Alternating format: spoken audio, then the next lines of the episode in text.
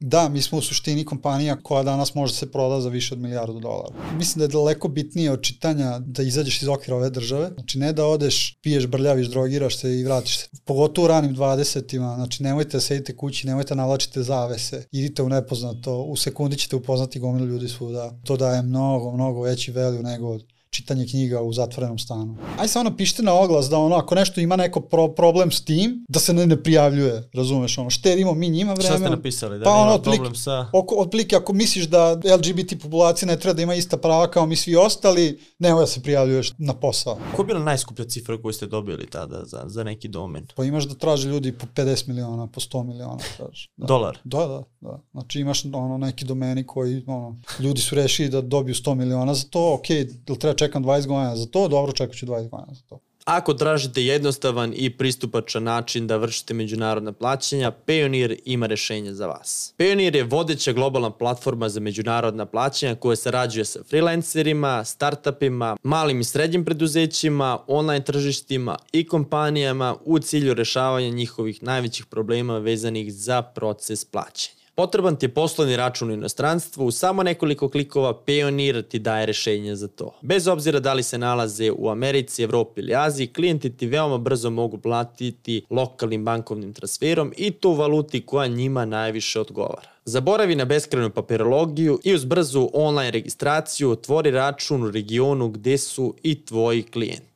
Radi globalno, plaće lokalno. Uz Payoneer kreni odmah, registruj se na linku koji se nalazi u opisu ovog podcasta.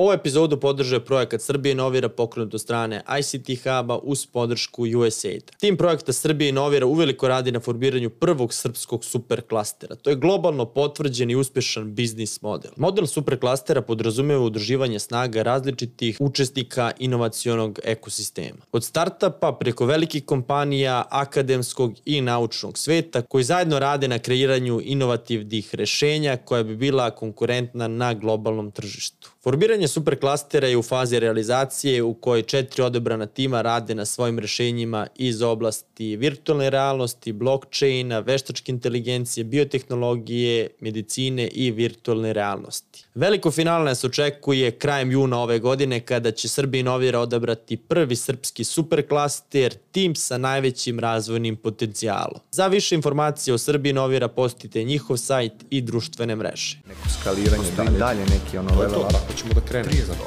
Apsolutno, da, da, da. Učite iz grešaka. Biznis priče.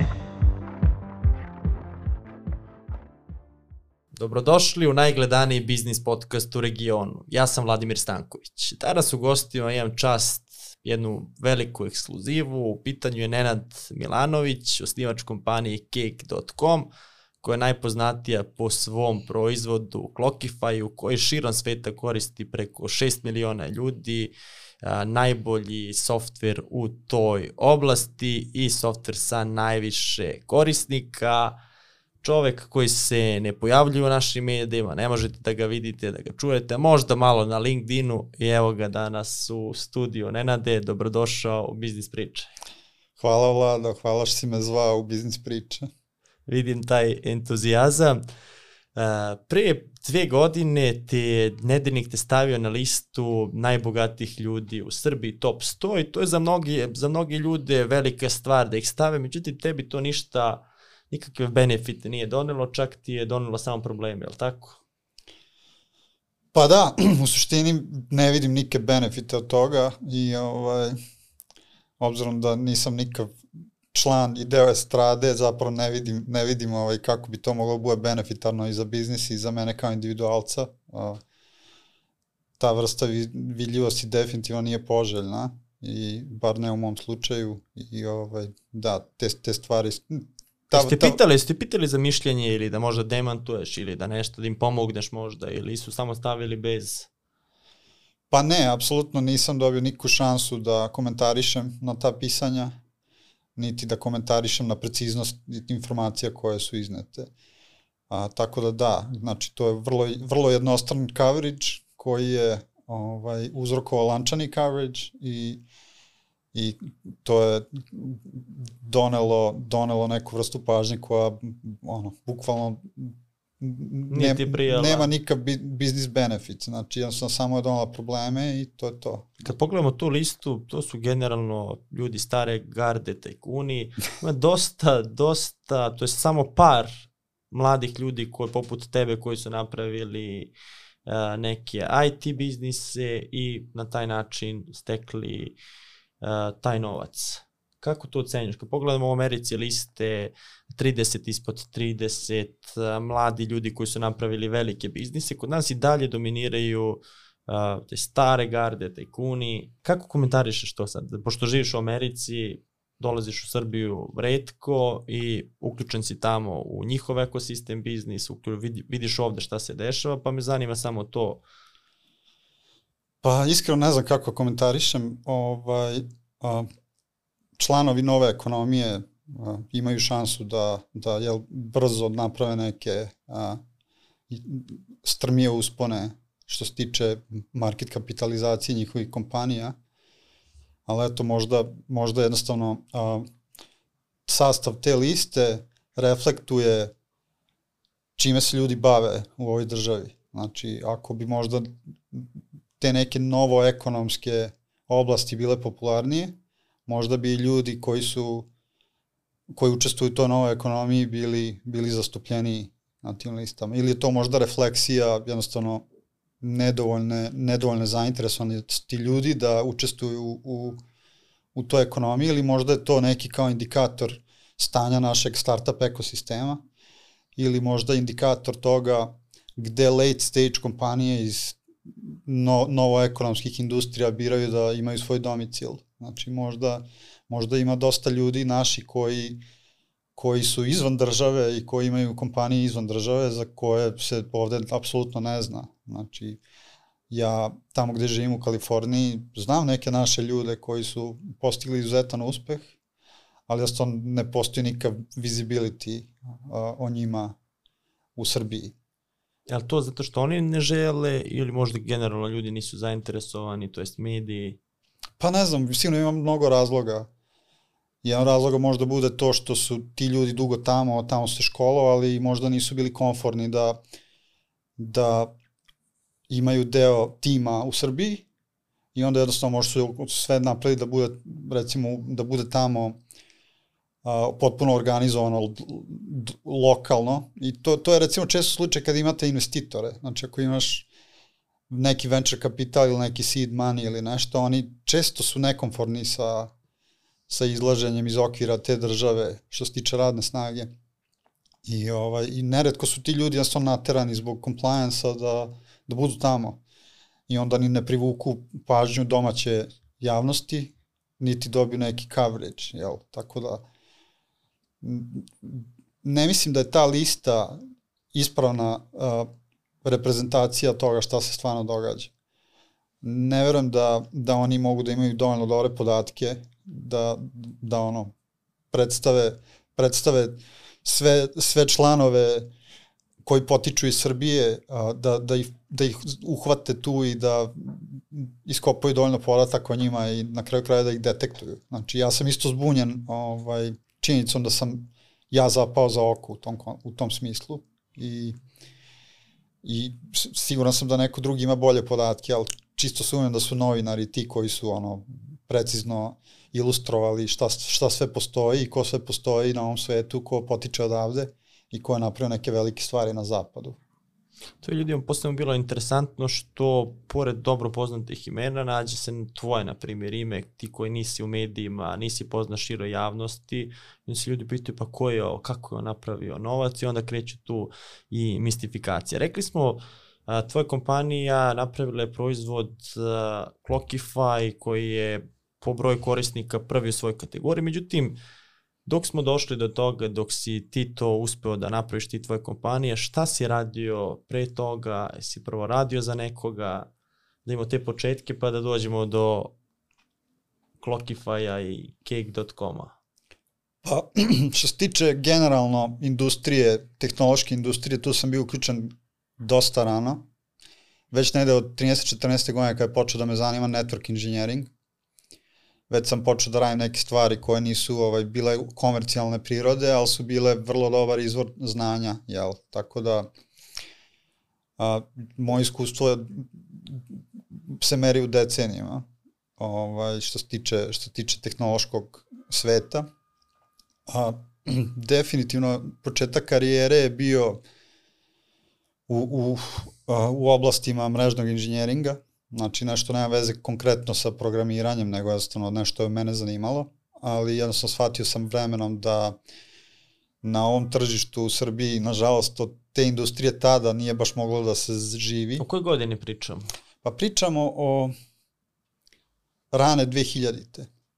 Ti si tada u Novom Sadu živeo? Tako je, da, živeo sam u Novom Sadu tada i tad, tad biti programer ili u tech industriji uopšte nije bilo seksi. Znači, to je nešto što si radio iz ljubavi ili ako si nerd, jel? Ako si neko ko je onaj stereotipični, jel? Programer. kompjutera. Mislim, tada je bilo mnogo više stereotipičnih ljudi na osnovu kojih su nastali ti stereotipi.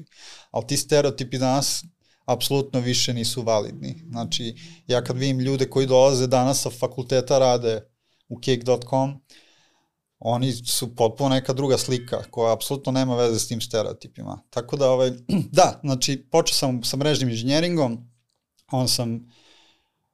A, to si radio za sebe ili... Pa da, nisam, nisam imao nikad formalnog poslodavca. Znači, mislim, svako od nas, čak i kad imaš konsultantski biznis, imaš poslodavca u vidu klijenta, jel? Samo se ne zove poslodavac. Ali, a, da, mislim, radio sam za, za, za razne klijente i pružao konsulting usluge i usluge dizajniranja mrežnih sistema i tako dalje. Međutim, to sam shvatio da, da ne može baš da se živi od toga i da se skalira biznis u, to, u toj oblasti, pa sam vrlo brzo prešao na programiranje u konsultantskom maniru, gde smo... Sad kad kažeš konsultantski, je li to nepopularni outsourcing? Da, da, da, da. Mislim, to je consulting biznis, ti kad radiš, kad prodaš vreme za, za, za novac, ti si u suštini konsultant, konsultant, da, to bi bilo kao sourcing, outsourcing, jel,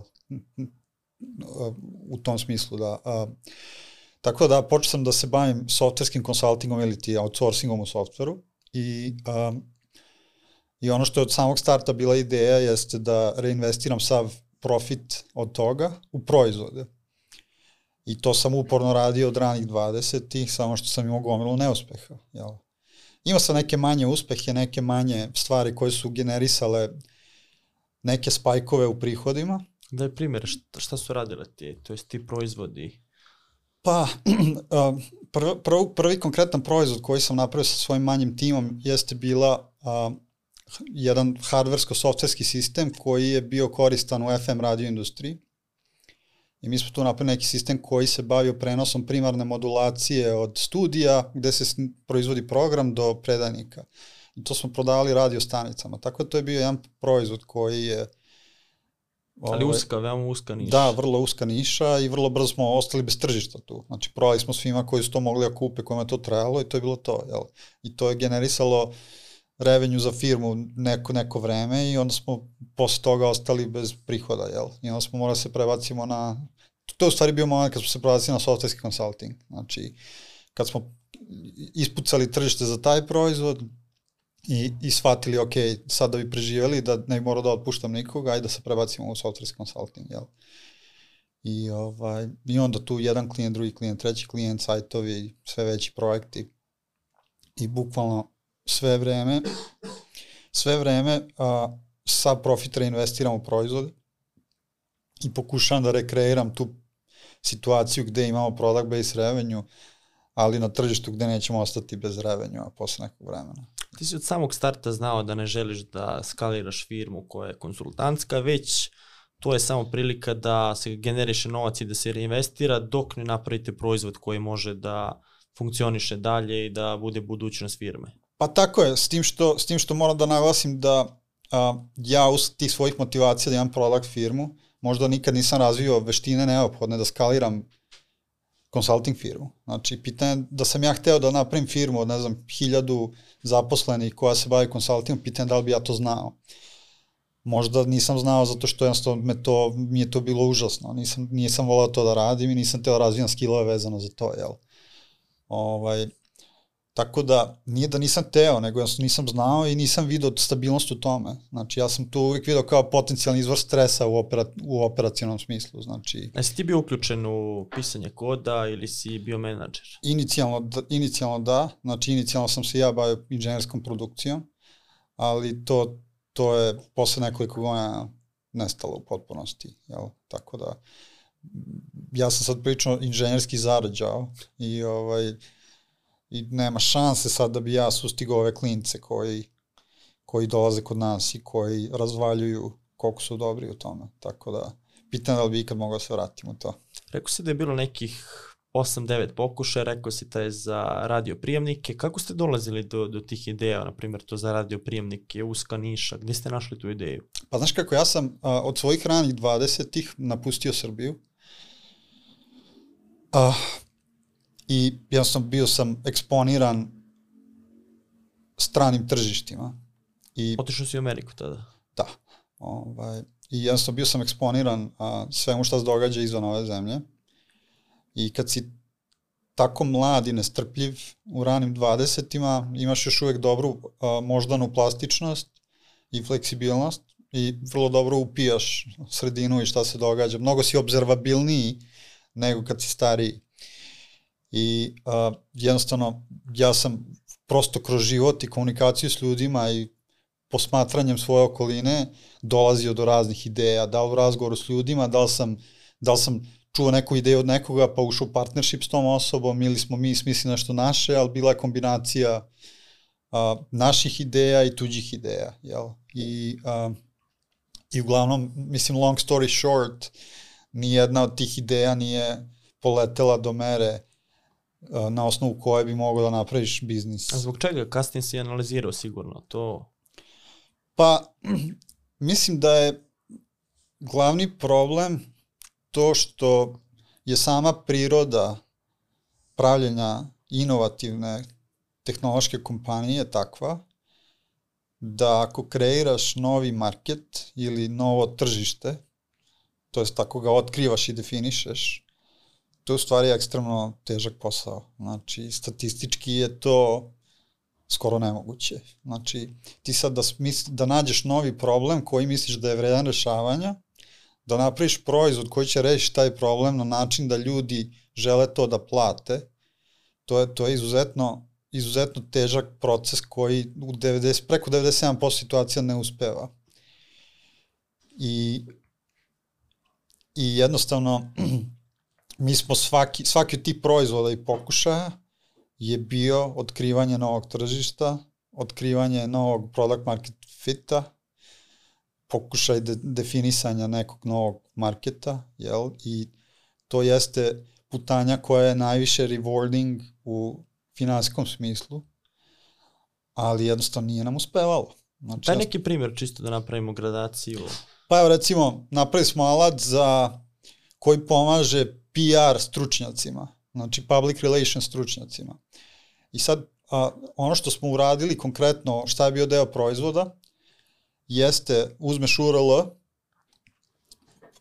ubaciš ga u tu neku bazu, samo URL, i mi ti iskopamo gomilu parametara vezano za taj URL. Znači, ko je autor, kad je izašlo, kakav je traction toga na socijalnim medijima, kakav je sentiment tog članka, da li je pozitivan ili negativan, da li a, računamo vidljivost koju to, koju to davalo potencijal. Znači, to je trebalo da pomogne PR profesionalcima u agencijama i u firmama. Jel? I mi smo super rešili taj problem, samo što ispostavili se da taj problem nije toliko velik bio i da jednostavno nije bilo vredno ljudima da plate za rešavanje tog problema. Hipoteza je bila da ćemo mi da napravimo, u nekom long term vizija je bila da ćemo napravimo software koji a, može da radi automatizovani monitoring brenda i kad se pojavi derogativan članak o brendu, da on ume to da detektuje automatski i da ti flaguje. Ili ako se pojavi pozitivan. Znači, faktički u toj, u toj oblasti. I to, I to reklo bi se da je niš, jel? I, a, I isto tako na osnovu našeg neuspelog pokušaja može se zaključiti da nije bio problem vredan rešavanja. Jel? To ti je jedan primjer. I šta je alternativa tom pristupu da vi izmišljate toplu vodu, da pravite inovacije? Šta je alternativa? Pa alternativa je da posmatraš tržišta, da posmatraš tržišnu dinamiku, da vidiš gde ima a, problema koji su vredni rešavanja, koje je već neko rešio na neki način i da uđeš u to tržište sa rešenjem koje će da bude dovoljno vredno da uspeš da uzmeš deo tog tržišta. Jel? To, je, to je jedan sigurniji način koji je izvesniji da, da uspe. Jel? I mi smo sa prvim našim proizvodom koji je bio uspešan, koji zove Clockify, koji je danas naš najuspešniji proizvod, a, strategija vezano za Clockify je bila ok, ulazimo na nešto na market gde već ima 40 drugih igrača. Kako ste prvo na ideju došli i odabrali tu nišu? To je zanimljiva priča. A, pa... Vi ste koristili već neki softver? Da. A, mi smo kao konsultantska firma koja se bava razvojem softvera koristili alate koji su tipični za te firme, tipa projekt management alat, alat za komunikaciju, i koristili smo time tracking da bi bilo ali našim klijentima vreme koje smo trošili na njihove potrebe. I a, koristili smo tako jedan alat koji smo plaćali 5 dolara mesečno po useru i, a, i unutar firme smo imali program koji je ohrabrivao kolege da ako imaju ideju za neki startup koji bi mogli da radimo, da dođu s tom idejom i da razgovaramo o tome i da možda investiramo u to i da ono da napravimo zajednički partnership od toga i krenemo to razvijamo. I jedan kolega došao sa idejom da napravimo time tracker i ja sam to dismisao, pošto ih, sam bio u fazonu da je čoče ima već ono 40 takih alata na tržištu i priča su demonetizovani, nisu uopšte skupi bili, što bi mi sad pravili 41. Tako da sam ja to dismisao bio. I ovaj, neki pola godine kasnije, smo a, imali situaciju gde smo imali osam inženjera, ako se dobro sećam, na benču, koji nisu imali projekat. Znači, kad si konsultantska firma, nekad, imaš, nekad se desi da nemaš projekte za sve ljude i ovaj, neke ljudi sede u, na klupi, takozvana. To je fraza koja se koristi ako, ako neko nema posao. I uh, da, i onda je došao e-mail od kompanije koja je bila iza time trackera koji smo tada koristili, gde su rekli, e, više neće biti 5 dolara po useru mesečno, neće biti 20 dolara. Tako neki hajk. I onda sam im ja odgovorio, rekao je, pa ljudi, zar nije malo ovo loše da u roku dve nedelje nam podignete ono cenu za 300%, ono, mi nećemo koristiti ovaj software ako vi ovo, stvarno ovo sprovodi. Oni kao, I odgovara oni kao, e, kao, pa kao dobro, kao, ako nećeš, kao, jebi ga.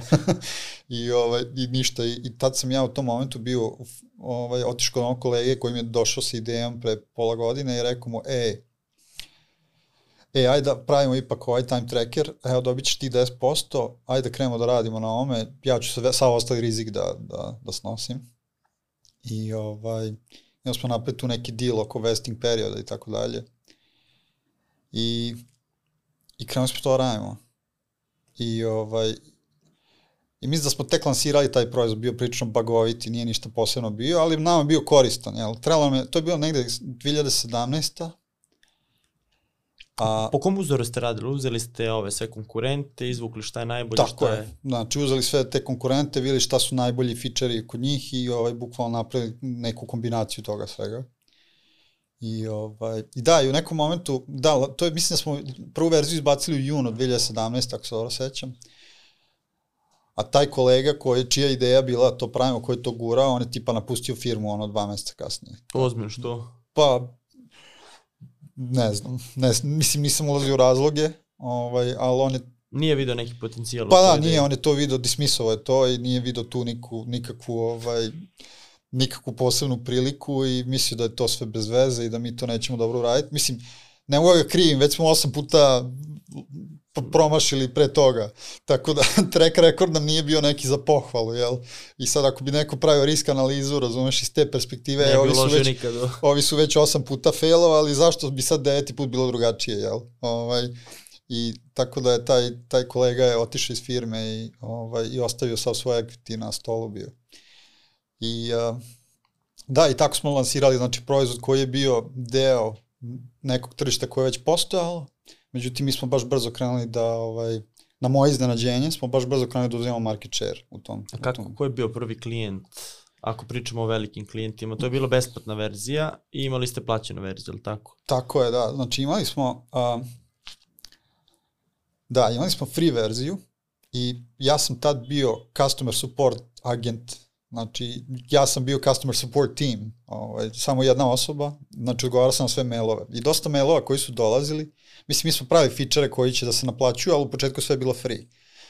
I, ovaj, I onda je dolazilo dosta pitanja od ljudi koji su izražavali skepticizam i rekli, ej, pa kako ste vi free, vi ćete ono propasti, ono niste sustainable, kako ja vama da po, poverim podatke ako ćete vi da propadnete, nemate para, mislim kako ovo je utopija neka, mislim što je bilo valid, validan point, jel?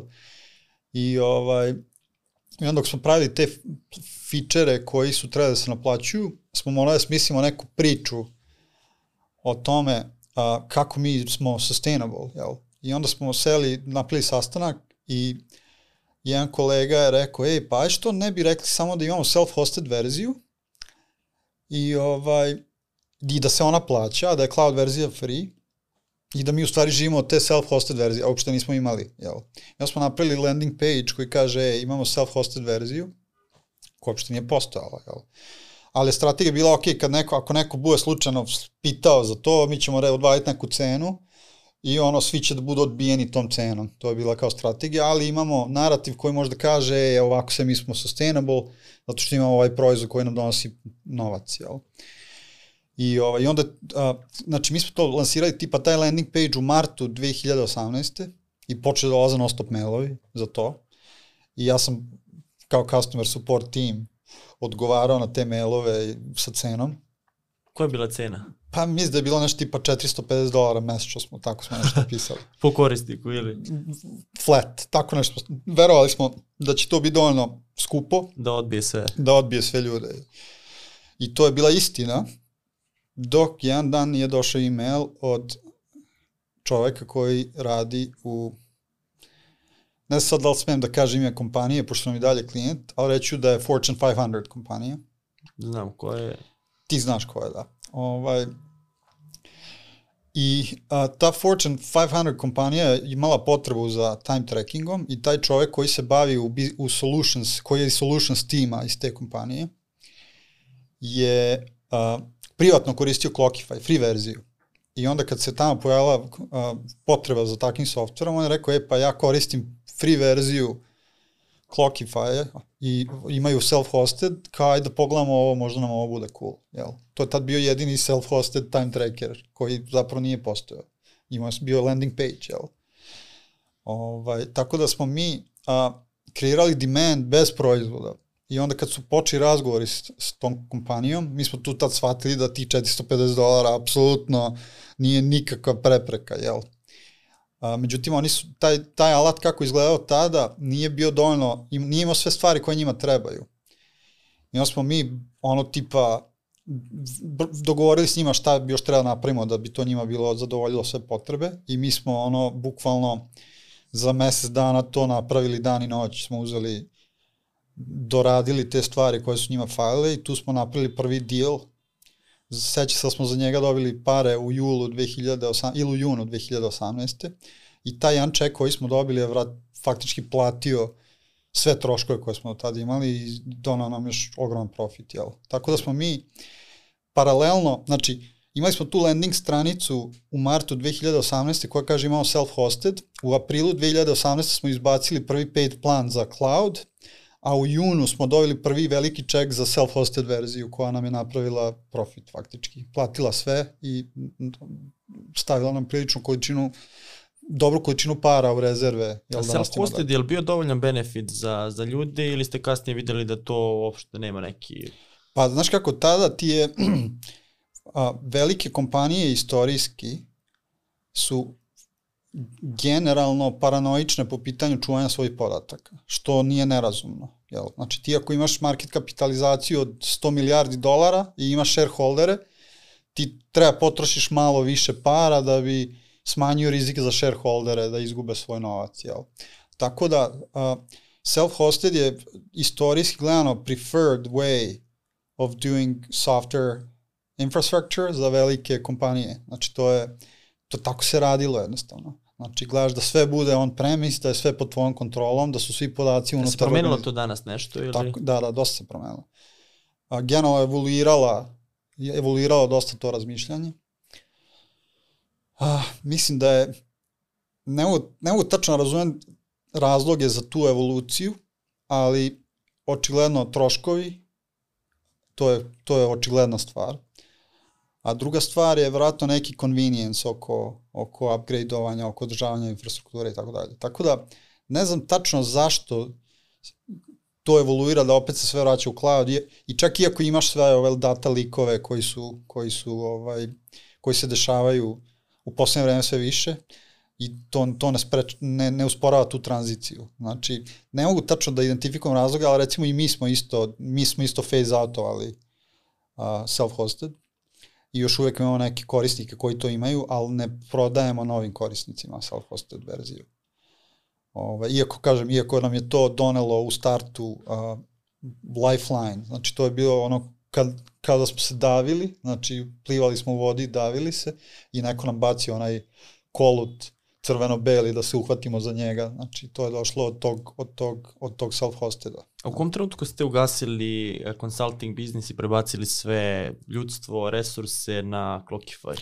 Znaš kako, ja sam oko toga bio izuzetno agresivan. Znači, kako je Clockify krenuo da pravi pare, recimo ako se prihod poveća tog meseca 10.000 dolara mesec, za, taj, za monthly recurring revenue, ja onda kažem, ok, ajde, ajde, vidim, znači ovde su nam se povećali prihodi za 10.000, koliko je to ljudi koje mogu da prebacim sa outsourcing projekta na proizvod.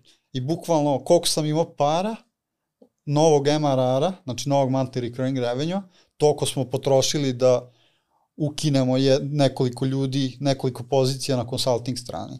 I ja mislim da smo mi u, u roku od, pa recimo negde dve godine od kako je nastao Clockify, smo potpuno ugasili i prestali da primamo nove klijente za, za, za outsourcing dealove. Ja.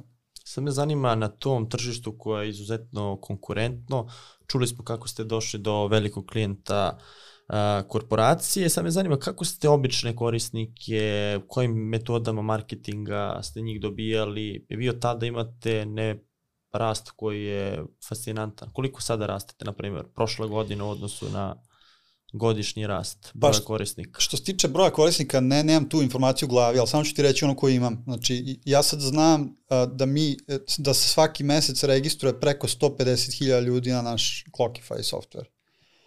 I to ti je, znači, na godišnjem nivou a, skoro 2 miliona registracija u poslednjih godinu dana. Znači, samo u poslednjih godinu dana mi smo imali 2 miliona registracija, koje su nas donale sa 4 na 6 miliona. Uh, Ovaj, tako da, nisam, znaš šta je fora, to su ti vanity, tako, takozvane vanity metrike koje ti služe da se osjećaš dobro, ali za biznis su nebitne, zato što ne donose para. A šta je bitno za, za biznis, plaćeni korisnici? Pa da, znači to je jedino što, to je na kraju dana jedino bitno to, znači ko, kaj, koje su finansijske, finansijske performanse biznisa.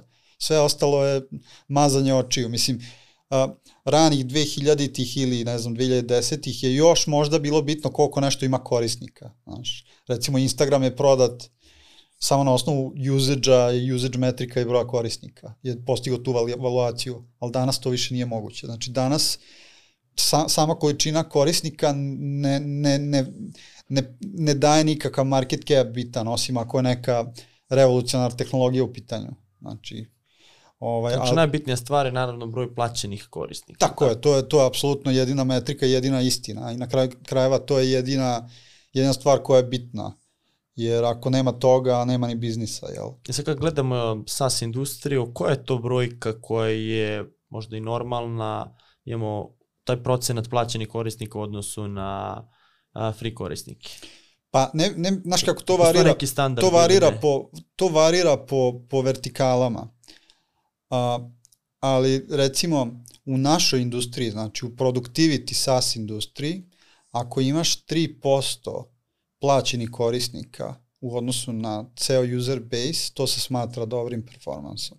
Naravno ima kompanija koje biraju rutu da nemaju uopšte free verziju i onda su oni tehnički imaju 100% plaćeno. Ovaj, ali kažem, dosta primera ima gde su te brojke između 2 i 5% plaćenih korisnika i to je često više nego dovoljno da generiše profit. Jel?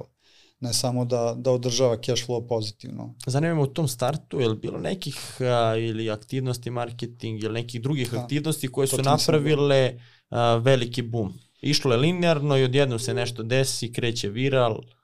Pa, znaš kako, ni- nije, nije baš sve eksponencijalno, ali je blizu tome. A, konkretno, mislim, mi kad smo krenuli s Clockify, mi smo nula marketing budžeta, jel? Znači, Kako su ljudi znali za vas? Šta ste radili? Pa mislim da je, znači, a, glavna stvar je bila network efekat. Znači, ono na što smo se inicijalno oslanjali jeste value. Znači, ako smo imali high value proizvod koji je free, to je, to je, to je razlog da neko ga preporuči nekome. I to je, to je, tako je free verzija rasla. Znači, broj korisnika na free verziji se povećavao tako što neko dođe, registruje se, vidi da mu je to dovoljan value, a ne plaća ništa i onda naravno će preporuči svima. Tako da inicijalno je bilo network efekat. Onda faza 2 je bila product hunt. To je jedan sajt gde postoješ novi proizvod i tamo možeš da dobiš boost ako napraviš, ako imaš dobru stvar. Jel? Mi smo dobili boost na product huntu koji je ono tipa donao 20.000 registracija za jednu noć. Ja, hoćeš da ti ispričam tu priču? Hoću, da.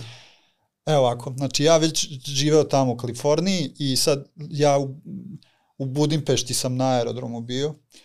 Tad, tad sam još bio u fazonu da ono mi je bilo okej da sedim u kombiju 7 sati, ovaj, da bi uštedao 200 dolara za kartu. Znaš, i onda sam iz Budimpešte leteo za San Francisco. Znaš.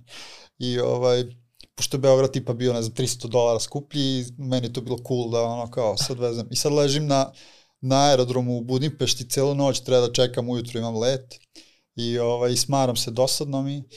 Rekao, ej, aj, mogu bi ja da postojem Clockify na Product Hunta. To je bio tipa avgust ili jul da, 2017, ne mogu se setim već. I ovaj, I bukvalno mi je dosadno bilo, jer rekao, daj da postojem. I odem na sajt Clockify, uradim jedan screenshot i, ovaj, i na, smislim neki headline, ono, tipa za 30 sekundi sam smislio. I, a, i pustim to, znači pustim na proham bez ikakve strategije, bez ikakvog videa, bez ikakvog narativa, bez ikakvog teksta, znači ono, bukvalno sam celu stvar uradio za 10 minuta. I, ovaj, i ništa, dočekao ja avion, a, seo na avion, ovaj, Uštede od 300 dolara. uštedao 300 dolara i uh, odletao za San Francisco, došao kući, zaspao odmah, komiran, budim se 10 sati kasnije, otvaram e-mail, ono, haos. Uh, čestitke na sve strane, gomila nekih komentara, vidim da nam se srušio server, znači ono gomila ono haos. I mi tu shvatimo u stvari da tu noć dok sam ja leteo i spavao, je u stvari ta stvar eksplodirala na Product Huntu i onda je došlo gomila ljudi koji se sign up ovo. I onda vratno to bio taj neki inicijalni boost koji je dao prvi network efekat, zato što i dalje sve bilo free, jel? I ovaj, I to je bio prvi spike. Znači, prvi je bio network efekat, faza 2 je bio taj spike sa Product Hunta. Tako da, generalno savjet oko Product Hunta je ljudi, ne morate baš toliko da planirate, obično to backfire. Mi smo jednom planirali i napravili savršenu Product Hunt kampanju koja je potpuno bila sranje. Znači, tako da, A kad se analizirao šta je to dovelo do, do toga da napravi tako lančanu reakciju na Product Huntu? pa i bila, stavio sam kontroverzni, kontroverznu ovaj, um, headline Šta se stavio, se sećaš? Pa stavio sam da, znači, opisao sam Clockify kao kopiju nečeg, nekog drugog alata koji je tad bio popularan. Znači, bukvalno sam napisao headline Clockify uh, copy of to, but free even for big teams. Razumeš? Znači, ono što je pain point bio mnogim ljudima poput mene, što se to plaća, ja sam te udarim na to, razumeš? Po cenu da me svi ispljuju. Znači, ono, bio sam u fazonu, nema veze, ajde, reću stvarno ono što mislim, kako mislim, zato što sam se ja tako osjećao kad sam napravio ovaj alat. I ajde da vidim sad da li će svi da me ispljuju što sam iskopirao nešto, ili će da mi kažu, e, super, ovo mi je, ovo mi je trebalo. Razumeš, i ispostavio se ovo drugo. Znači, bilo je pljuvačije, naravno. I dan danas imamo Kaže, pljuvačije. gde si plagijatoru? Da, da, bukvalno, i dan danas ima pljuvačine. Znači, dan danas ja čitam komentare nekada ovaj, gde ljudi pljuju po tome što smo tako počeli. Jel? I, ovaj, i to, je, to, je, to, to, to ono što ljudi tražili i očigledno je value pobeđuje svaki marketing. Znači, ako ti nemaš value i ako proizvod nema value, on neće naći svoj životni ciklus i svoju, svoju samostalnu distribuciju. Ako ima value, on će da nađe svoj put do korisnika, no matter what, razumeš, i to je, to je uvek zakon, znači nema tog marketinga koji može da progura stvar sa lošim, lošom vrednošću ili sa, koja, koja ne funkcioniše, jednostavno nema tog marketinga koji, koji može da pomogne u tom. I u tom startu, evo vidimo primjer, niste imali neke velike budžete za marketing, niste Nismo radili, već je budžet. bilo gerile. Da, da. To je primjer, dobar primjer gerile. to je, da, to može se nazove gerila, da. I onda, I onda sam tipa, to je bio ju, jul ili avgust, ne mogu da se setim, 2017. I onda smo napravili prvi marketing hire, a, mislim u oktobru 2017. Znači doveli smo jednog dečka koji je, ovaj, koji je počeo piše tekstove i da pravi blog i tako dalje, da pravi landing stranice i tako dalje. Znači, ja uopšte nisam ulazio to šta on radi, nego sam ga pustio da radi šta mi se treba i on je s tim aktivnost, to je bila druga faza, znači website, content koji smo kreirali, znači to je bilo, to je bilo posle product hunt. Ovaj, I ta strategija, znači ta fa, strategija u toj fazi se nastavila još dugo godina posle toga. Znači mi smo tek, a, mi smo tek pre, početkom 2021. počeli da eksperimentišemo sa plaćenim akvizicijama. Znači advertising, a, i druge stvari koje treba platiš trećim stranama da bi dobio neki visibility. Tek smo početkom 21. počeli to radimo. Mislim, danas imamo multimilionski budžet za plaćenu akviziciju i imamo tim koji se bavi samo određenim kanalima, jel? A, al, al to, je, to je sad već late stage, jel? Gde, gde, gde, gde imamo i paid acquisition team i što je isto najluđe od svega jeste da nama i dalje kanali koji nisu paid prave 30 puta više akvizicija nego ovi plaćeni kanali. Znaš, tako da um, mi smo dosta strpljivo radili neke stvari i efekti toga su se compoundovali do te mere da mi sad da bi rekreirali recimo ako imamo ako imamo organske akvizicije 150.000 korisnika mesečno mi da bi Platili, plati, da biste dobili platili toliko. da bi dobili tu količinu, Milion. to su desetine miliona dolara budžeta koji ti treba na godišnjem nivou. A šta je taj free? Je li to uh, brand marketing, da li je to content marketing? Brand apsolutno ne. Znači, redko koji startup a, ima prostora da se bavi brand marketingom.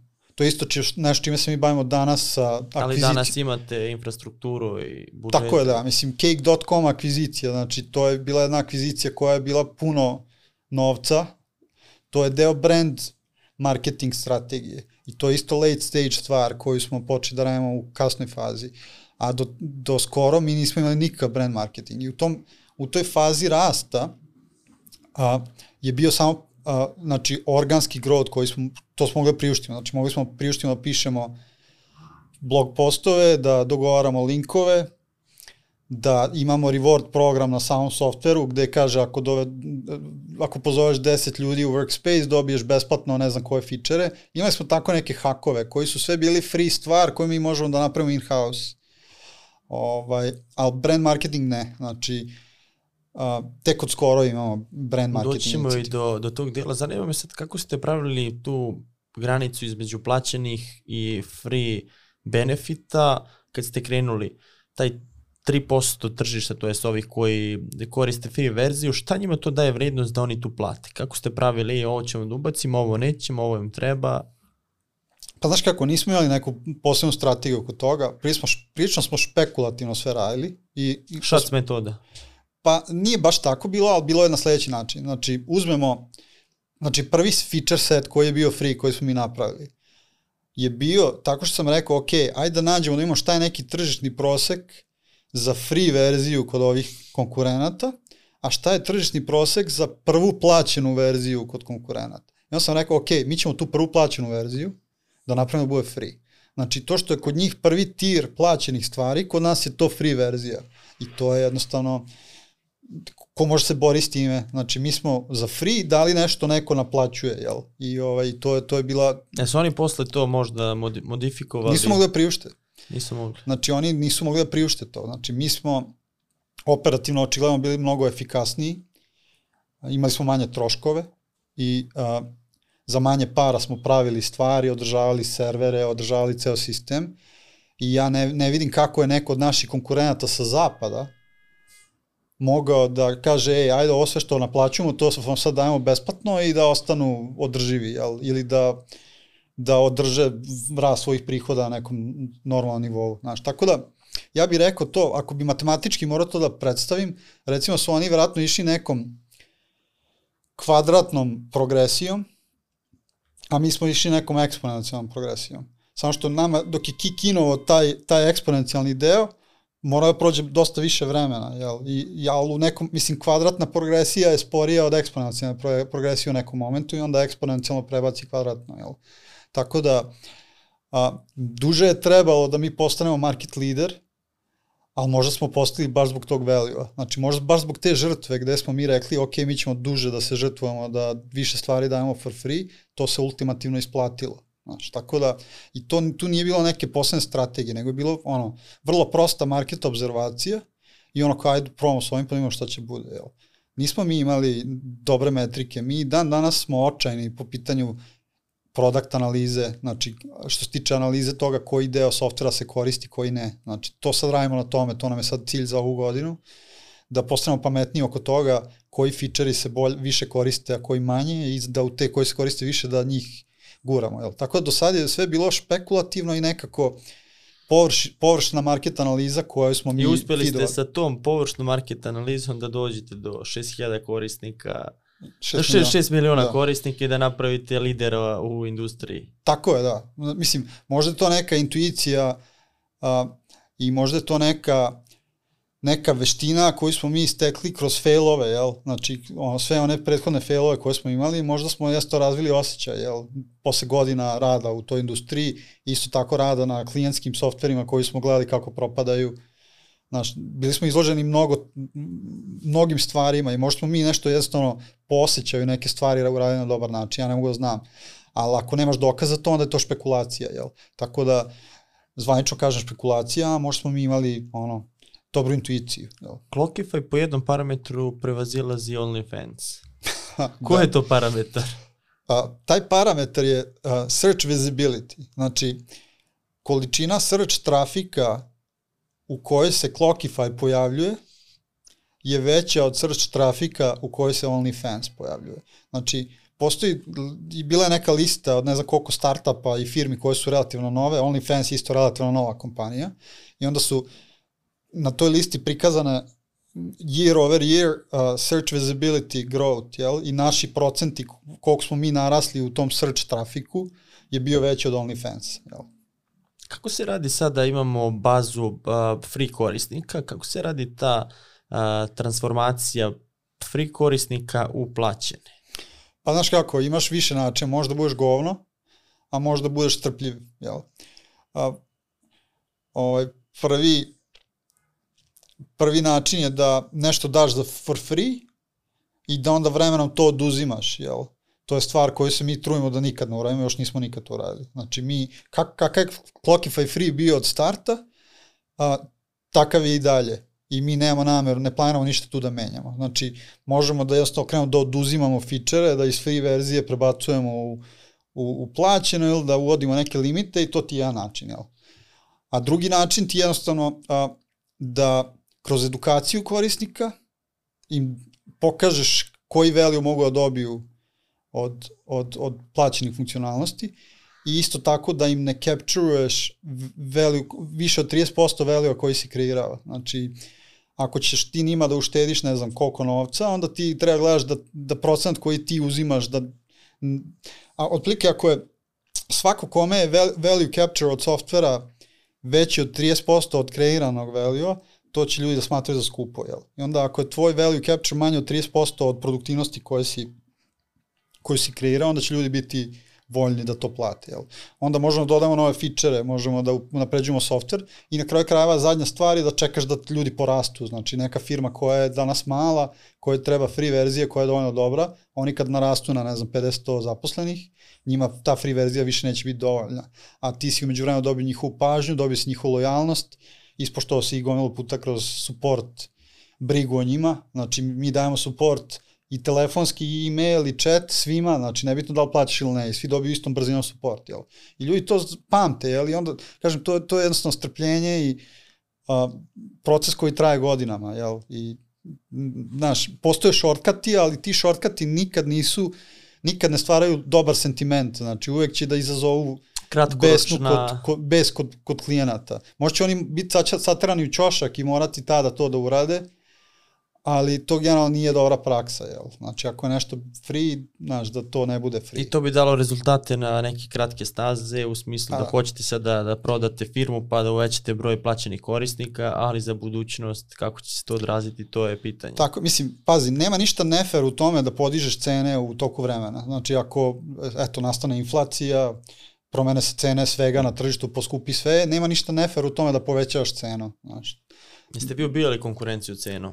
Da. Kako su on cene bile u startu i da, da, su dosta, sad? Dosta, I dan danas, znači i dan danas je taj naš softver najjeftiniji na tržištu za, ako poredimo ekvivalente od konkurenata, znači za u feature setu koji mi imamo, feature set koji odgovara tom feature setu kod konkurenata, mi smo najjeftiniji na tržištu za, za tu vrstu softvera. A šta vam daje tu mogućnost da budete jeftiniji toliko? To pa, što ste u Srbiji ili... Pa, pazi, tehnički mi nismo u Srbiji. Ali znači, core team, je li core team ovde ili? Pa dosta, mi imamo dosta zaposlenih u Srbiji. Ovaj, a, a, to je jedan, mislim, jedan deo jedan način, ali Srbija više nije jeftina. Znači, ne možeš da kažeš da je naša Srbija jeftina danas, apsolutno nije. A, mislim da je pre operativna efikasnost. Znači, mi smo, moja, moj modus operandi, zbog kog sam stalno imao neslaganja i svađe sa HR-om, je činjenica da nismo nikad dali nike posebne benefite. Znači, nije bilo žurki, nije bilo team buildinga, nije bilo nikakvih stvari koje nisu bitne našim korisnicima. A to kad kažem korisnica, mislim na naše software, na korisnike našeg softvera. Znači sve što nije bitno, sve što njima ne povećava experience, meni nije bilo bitno. I onda sav taj, i to je, kažem, uzrokovalo stalno pushback od HR-a, koji se žale, e pa ne možemo da nikog zaposlimo zato što evo vidi Quantox ima ovo ili ne znam, ova ima ono, a mi nemamo ništa, a ljudi kad se nađu da pričaju o tome, svi pričaju o benefitima, niko ne priča o plati, a ja sam forsirao to, ok, ajde da štedimo novac na šoljama, na team buildingsima, na glupostima koje nisu bitne korisnicima i da damo platu što veću ljudima, znači da Pa nek prave žurke. Pa neko, neko oni neko vide value u, tome što imaju veću zaradu, jel, koju smo ukidanjem tih sitnih gluposti koje nisu bitne korisnicima, dobili više novca na strani zarada, jel. I to je strategija koju sam ja gurao tvrdoglavo, iako sam imao pushback sa svih strana. I to je, to je isto jedan način kako smo mi uspeli da privučemo odlične ljude, ovaj, jer jasno nismo im mazali oči sa, sa stvarima koje su nebitne, nego smo im jasno dali najveću platu koju smo mogli, jel? I ovaj, to, kažem, to, to je jedan, jedan deo operativne efikasnosti. Mislim, team buildings i koje sad imamo, ovaj, a to, Poklikao to, si, to, ja? to puno košta, znači to su, to je jako puno novca, znači za te, to, to možda bude jedan dobar broj ljudi godišnje za taj trošak koji se napravi na team buildingu, jel? Ovaj, mislim, ja sam ja promenio ploču, znaš, ali to je u toj fazi gde smo se borili sa, sa konkurentima, gde smo bili ono vrlo, na vrlo tankoj cash flow, cash flow, cash flow pozitivnosti, gde nismo imali nikakav marketing budžet, gde, znaš, gde smo mnoge stvari morali da uskudevamo, te neke stvari su bile ključne. Znači, i ovaj, I na kraju krajeva to je nešto što nam je pomoglo da, da nikad ne dobijemo nikog, nikog investitora na našem cap table. Znači, mi nemamo investitore, mi nemamo board. A zbog čega je vam trebalo to nekada? Jeste razmišljali nekad o tome ili ste odmah napravili biznis model, krenulo je? Totalno da, znači na, u ranim fazama Clockify, dok je on bio pri revenue, ja sam apsolutno hte, bio zainteresovan da skupim investiciju od venture capital firmi. Međutim, ono što se desilo jeste da sam ja poslao 10 e-mailova tier 1 firmama. Šta je to tier 1 firma? Pa ti, ti, venture capital firme imaš, znači imaš klase tih firmi, da tako kažemo. Uh, prva klasa su ti ove najpoznatije, Andreessen, Sequoia, Index, tako ta, ta ekipa za koju smo verovatno čuo. I tier 2 su manje poznate firme, onda imaš tier 3 su ono kao bez veze firme. I postoje angel investitori. Pa recimo da. I sad recimo ti ako si firma, startup, ti naravno bi voleo da tvoj investitor bude iz tier 1. Međutim to ka, u mom slučaju to nije se desilo. Znači ja sam kontaktirao sve njih, oni niko nije bio zainteresovan da investira u Clockify. I, ovaj, I onda pređeš na tier 2, razumeš, i onda tu, tu dobiš malo više interesovanja zato što njima deal flow lošiji, jel? Oni, o, najbolje dilove pokupi tier 1 i onda što ne ostane, što oni neće ili što, što su propustili, što su se zeznuli recimo ili što što, što oni nisu hteli, to pređu tier 2 i onda tako ide sve redom do angel investitora, jel? I onda kako, kako si startup i postaješ sve očajniji za parama, onda ideš sve niže u, tom, u, tom, u toj lestvici, jel? I mi smo, ja sam kontaktirao tier 1 firme i tu sam izgubio volju. Znači, mi smo bili već cash, ono, videla se neka, mi, imali smo, pro, imali smo consulting revenue, znači od consultinga i i nije mi to bilo toliko bitno. Znači, mi smo mogli da opstanemo, znači ne bi bankrotirali, zato što smo imali consulting biznis koji to sve plaćao, jel? I, ovaj, i mi ne bi propali da nismo skupili investitora, da nismo našli neku, neku investiciju, jel? I onda je za mene to postalo low priority stvar, zato što ovih deset što su mi iskulirali, već su kod mene stvorili ono, nezainteresovana za to, znači skonto da bi morao potrošim jako puno vremena, ono se fokusira na proizvod i moja odluka je bila da ja to ignorišem, jel? I, ovaj, onda smo, onda smo počeli da ovaj malo inbound saobraćaja od VC-eva, koji su isto bili neki tipa treći, treći tier, ono, rock bottom investitori, i oni su nam dali neke patetične valuacije koje jednostavno meni su bile ono kad daj ljudi ono ne, ne mogu po ovoj valuaciji. I, ovaj, I nismo nikad uzeli investiciju. A sad, sad kad gledaš da si dobio možda iz prvog, drugog tira nekog investitora, koliko bi to ubrzalo stvari ili promenilo? Ili misliš da je ovaj put da se vi fokusirate na to da napravite, da budete profitabilni, da raste broj korisnika? Jer velike razlike između sad, uh, ovo je kao mix startupa i biznisa, gde startupi, njihov modus operandi je da nađemo mi investitora, nećemo da jurimo mi korisnike i to pa ćemo sa tim. Vi ste se fokusirali na ta, tu gerila marketing kampanje i na broj korisnika, da rastu sve metrike, onda ste vi postali generalno biznis koji je održiv? Pa, znaš kako, to je, ne mogu, ne mogu znam tačno šta su razlozi, ali očigledno nešto u mom personalitiju. Znači, um, jednostavno, novca je bilo, a ja nisam neki lik koji uh, je ljubitelj formalnosti, a kad si sa VC-evima u, u, u braku, to donosi jako puno overheada, jel? Znači, to nije samo novac i taj novac nije besplatan i taj novac mora da se servisira i, i da se menadžuje na neki način, zato što ti ljudi koji su dali te pare, oni očekuju neku transparenciju i neku kontrolu i neku vidljivost toga svega.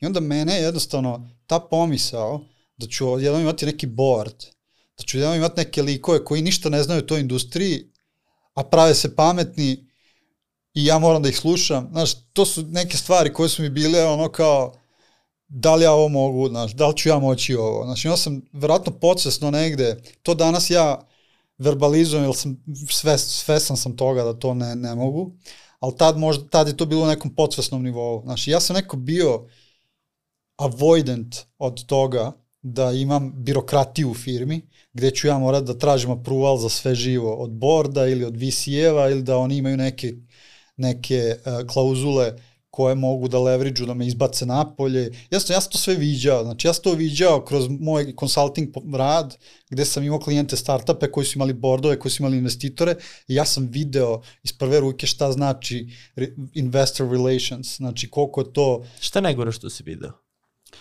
Pa mislim, uvek, ovo je sad malo biased, ovo što ću ti reći, zato što sam ja founder. Znači, ja sam founder i ja se saosećam sa drugim founderima. Oni imaju iste probleme kao ja.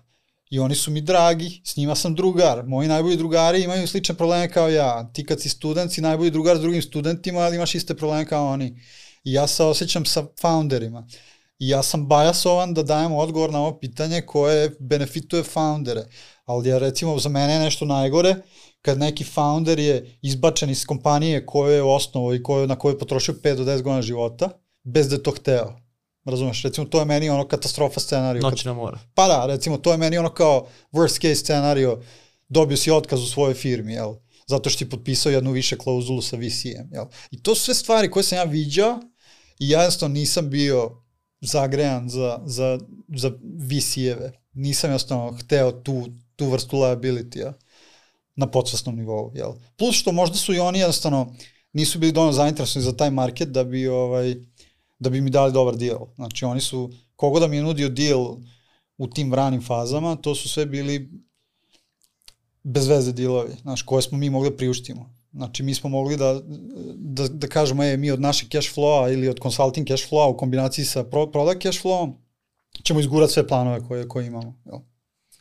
SaaS industrija je sve popularnija i sad laički kad gledamo sa strane vidimo taj mesečni obrat gde je pretplatnički biznis model, to deluje sve savršeno, međutim koje su to i opasnosti i nezgode SaaS biznisa? Šta je tu najteže? Pa pazi, ne mislim da ne mislim da SaaS biznis ima neku specifičnu neki specifičan rizik koji drugi softverski biznisi nemaju. Znači, ono što smo mi identifikovali kao najveće rizike za naš biznis interno, znači ove godine kad smo imali all hands, tu smo identifikovali neke stvari. Broj jedan stvar koja je rizik za sve softverske biznise je data leak. Znači ako imaš neki, neku rupu sigurnosnu koju nisi video, a neki haker je to video pre vas i to se iskoristi za eksploataciju sistema i izlačenje, mislim to je katastrofa. Znači to je, to je broj jedan rizik koji niko ne sme da pocenjuje i to stvari koje uništavaju firme. Znači, ne može ništa toliko brzo da nas uništi kao što može tako neki event. Znači, ako se desi da, da korisnički podaci budu ukradeni i da oni se pojavaju na prodaju negde na internetu, to je nešto je, to je, to je ono jednostavno nož u stomak, jel, za svaku softversku kompaniju. Tako da nama je to stvar koju mi vidimo kao apsolutno naj, najveći rizik koji, koji imamo i mi investiramo aktivno u sprečavanje, to je smanjenje šansi da se tako nešto desi. A, svi drugi rizici koji, a, koji bi se odnosili recimo na, ne znam, promenu tržišta, promenu konkurencije, a, promenu a, sentimenta ili načina rada, to su sve stvari koje mi smatramo a, da ne mogu da dođu tako brzo i da, i da da, da nas neće ta, toliko off guard uh, uhvatiti. Znači, mi sad imamo desetine hiljada kompanija koje plaćaju naš software, mi ne možemo preko noći da izgubimo 9000 ili 20.000 kompanija. Znači, to se neće desiti jednostavno.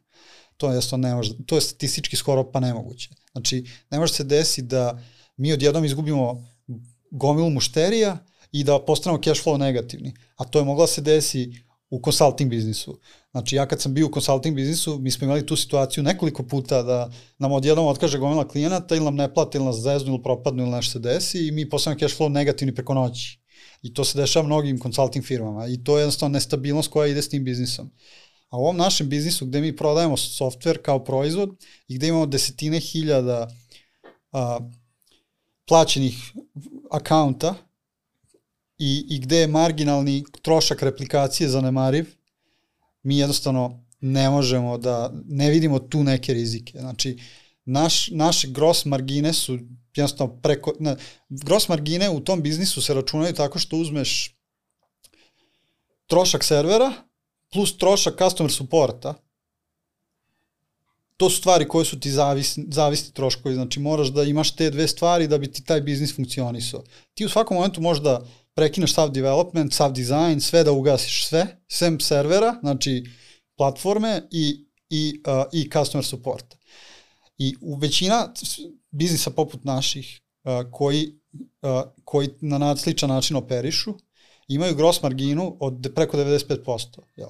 Što znači da ti u, imaš 95% prostora da rezanjem troškova prebrodiš krize, prebrodiš probleme, opstaneš u slučaju nekog velikog izazova. Jel? Ovaj, mi još uvijek nismo mogli da sečemo nikad troška, zato što smo uvijek bili izuzetno disciplinovani po pitanju koliko brzo skaliramo broj zaposlenih, koliko brzo investiramo, rastemo, povećamo investicije u ovo ili ono. I to još nije moralo da se desi. Mi, moj, moja misija glavna je da to nikad ne dođemo u tu situaciju da moramo da otpuštamo ljude iz finansijskih razloga. Znači, to, to, je, to je nešto se, što je moj prioritet, znači da se nikad ne desi. To, je, to, to ću smatrati kao svoj neuspeh ako skaliramo previše brzo, da dođemo do momenta smo previše brzo investirali u, u neku inicijativu koja, koja, zbog koje ćemo posle morati da otpuštamo ljude. Znači, to, to ne sme da se desi. Ovaj, mislim, to je ono što sad vidiš šta se dešava. Znači, Ajde imaš sad board, to bi bila moguća opcija. šta? Pa otpuštanje.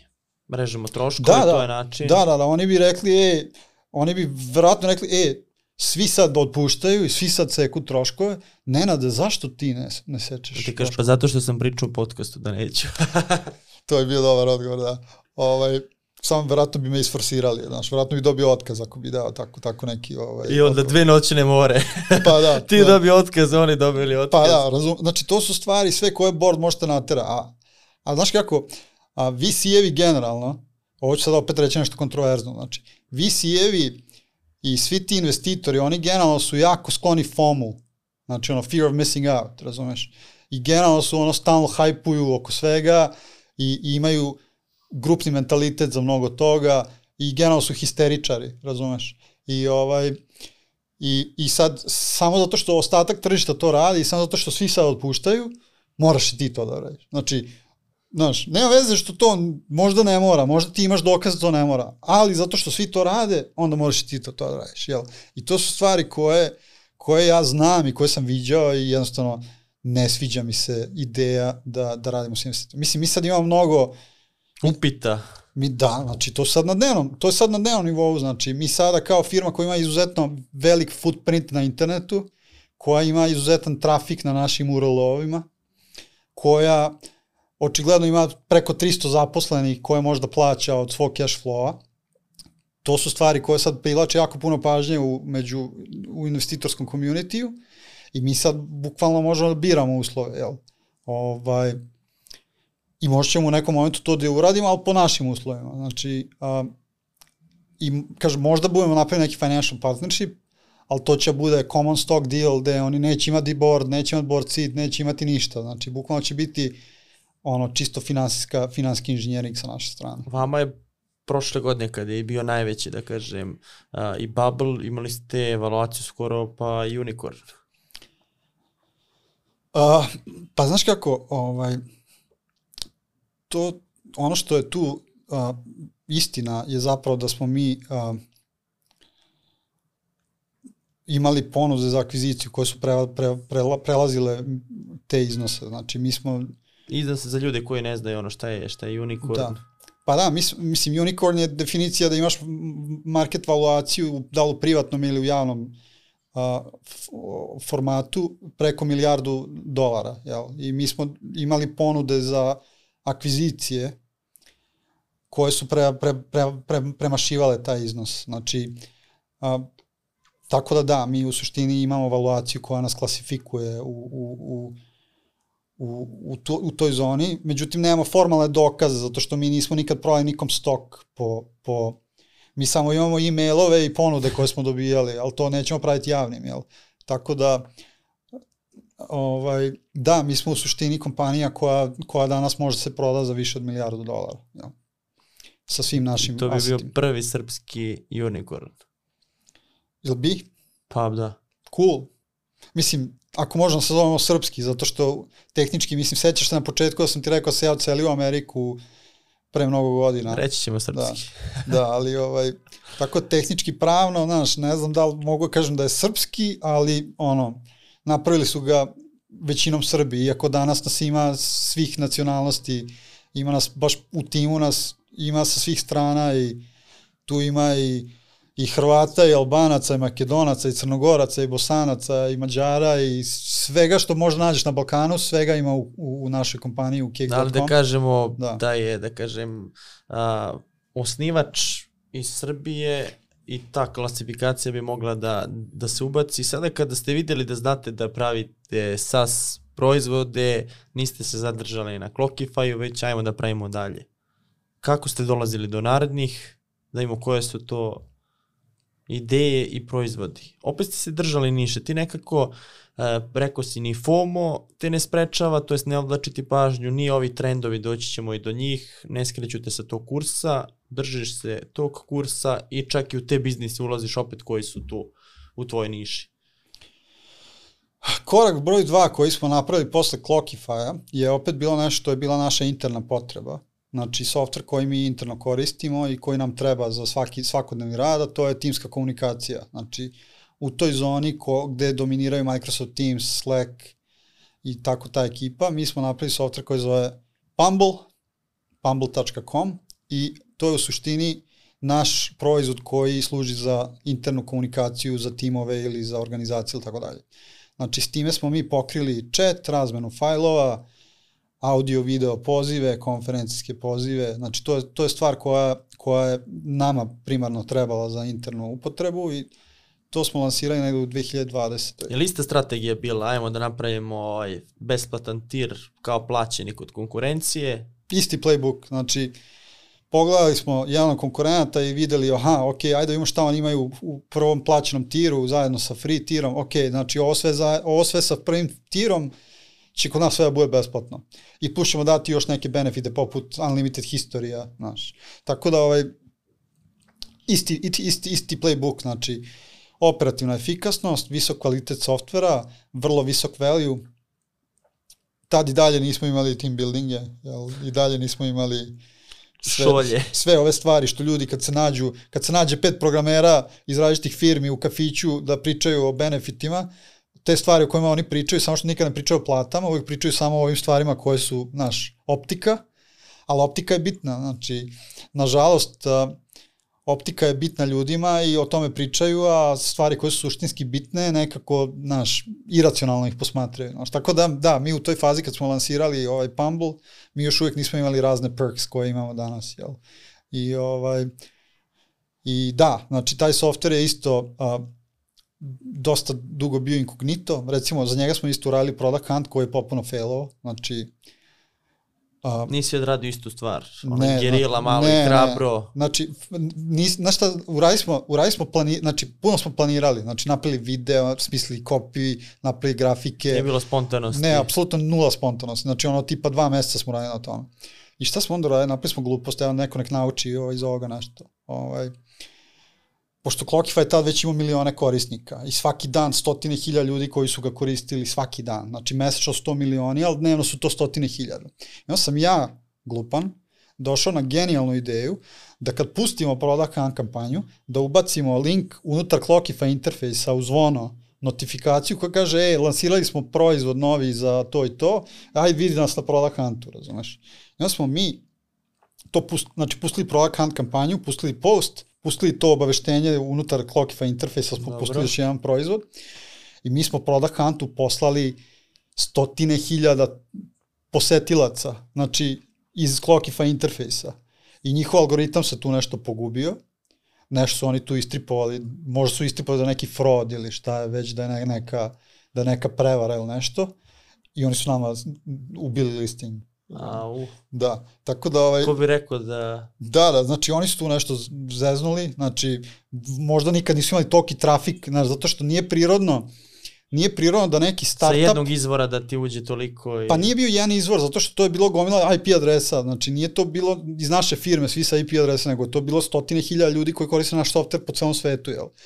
Ali možda je to nije prirodno da software koji je startup ili koji product hunt je pogodan za takav softver, možda nije, možda oni nisu nikad videli toki trafik na jedan. A nema, nemaju neku politiku da, da ne smete to da... Imaju neke politike, ali mi to nije transparentno, to ti je neki da. algoritam njihov koji ti pojma nemaš, jel? I očigledno se taj algoritam pogubio kad smo mi poslali toki trafik i oni su nama disablovali ovaj listing, jel? I šta ništa? Pa ono, samo ga, samo ga, samo ga shadow banovali, znaš mogo si kroz URL direktno dođeš do njega, ali ga niko nije video više. Znači, A, ljudi koji su dolazili na, na, ovaj, na, na, na, na product hunt nisu videli taj listing uopšte, jel? tako da efektivno su nas banovali bili. I ovaj... Džaba dva meseca. I da, i mislim u suštini, ja sam preuzeo puno odgovornost za to, ovaj, zato što sam ja u stvari koordinator celog eforta bio i to je bila greška. Znači, možda sam trebao da Mislim, nismo mi ništa varali, nismo mi nikom rekli, nismo mi našim korisnicima rekli, e, idi tu na tu stranicu i klikni upvote. Znači, nismo mi to rekli, nego smo samo rekli, e, idi tamo, vidi to. I sad je na njima, da li će, nismo nikad pozivali nekog da upvote. Tako nismo radili ništa, nikako eksplicitnu pozivanje na manipulaciju toga. Ali kažem, njihov algoritam se pogubio i ovaj, i ja sam tu, meni to bio signal da vratno, da vratno taj product hunt više nije dobar fit za stvari koje mi radimo, znaš, zato što ono, naša distribucija koju mi imamo, interna, znači količina očiju koje vide šta mi radimo je možda veća nego taj product hunt, znači vrlo je moguće da mi imamo veći trafik nego product hunt, jel? U startu je bio dobar, a kako radite taj upsell e, i ta koordinacija tog ekosistema, sad korisnici Clockify-a, obavestili ste ih tu za Product Hunt, a kako ih obaveštavate ili gradite taj ekosistem da ovi korisnici Clockify mogu da koriste i ovo i treći proizvod? S time smo jako oprezni. Znači, a, mi kad smo lansirali Pumble, lansirali smo ga samostalno. Znači, to je bio proizvod broj 2. I sad prirodno ti pomisliš, ej, aj čim ga lansiramo, daj da svima kažemo da imamo i ovo, da ljudi dođu što pre. Međutim, a, moja odluka je bila da mi čutimo o tom drugom proizvodu, dok taj proizvod ne postane po kvalitetu dobar. Znači, da mu stickiness postane dobar do te mere da kad ga neko proba, da su šanse velike da će kaže, e, ovo je baš dobar proizvod. Daj, I da, da ostane. Da, da, znači, dok nisam došao do, do momenta da osjećam to, nisam hteo da kažem Clockify korisnicima da Pumble postoji. U momentu kad smo lansirali Product Hunt kampanju za Pumble, tad sam bio, dobio taj osjećaj da je ovo dovoljno dobro i da je dovoljno kvalitetno da se da je vredno prezentovanja našim postojećim korisnicima koji nam veruju i na, na, nismo hteli da rušimo kredibilitet, znači ako je jedan softver dobar i super radi i ljudi ga vole i misle da je kvalitetan, zadnje što želimo jeste da se brukamo da taj brand equity koji imamo kod tih ljudi, da ga, da ga rizikujemo s time što ćemo im ponudimo nešto nije dovoljno dobro. Jel? I, ovaj, onda smo, da, znači Pumble smo ponudili u tom momentu, onda smo uradili integraciju između Clockify i Pumble-a, gde ti u, unutar a, interfejsa u Clockify možda koristiš chat, možda lako da prebaciš sve ljude iz Clockify u Pumble. Uradili smo dosta neke integracije, to je sad full integrisan na dva proizvoda. I, ovaj, sličnu stvar ćemo raditi za treći proizvod. A ciljna grupa je ista, generalno korisnici Clockify-a, dobrim delom su potencijalni korisnici i ostalih servisa. Pa ne baš, mislim Clockify ima jako diverse uh, uh, background korisnik koji dolaze. Znači, Clockify koristi cvećara, golf klub, škola, law firm, Fortune 500 firma, softverska firma. Ne, ne bi verao kakve random, stva, kakve random organizacije koriste Clockify. Znači, tu je, delo je time tracking uh, treba mnogim organizacijama koje nemaju visoku operativnu kompleksnost. Recimo, ako ako imaš, ako imaš nisku operativnu kompleksnost kao biznis, time tracking ti je često dovoljno zato što njemu možda definišeš pet taskova, recimo. A, a ako imaš visoku operativnu kompleksnost, gde ima gomilu ljudi, onda ti nije dovoljno samo time tracking, možeš da imaš neki project management, jel? Tako da, neće baš biti slične, mislim, srodne su, uh, ali većina naše publike vjerojatno ne treba, ovaj, ne treba komunikacioni alat, ali mi pravimo po sebi. Znači, pravimo iz naše potrebe idemo samo to, tom form, formulom e, šta nama treba, mi to pravimo, pa znamo da ćemo naletiti na gomilu takvih firmi koje su slične nama. Jel? Šta vam se ispostavilo iz tog playbooka koji ste iz Clockify uzeli, primenili ga ovde, šta vam se ispostavilo da uopšte ne daje rezultati i da uopšte nije isto? E, to je super pitanje. Možda treba to mi kažeš ranije da dođeš do istom stvari.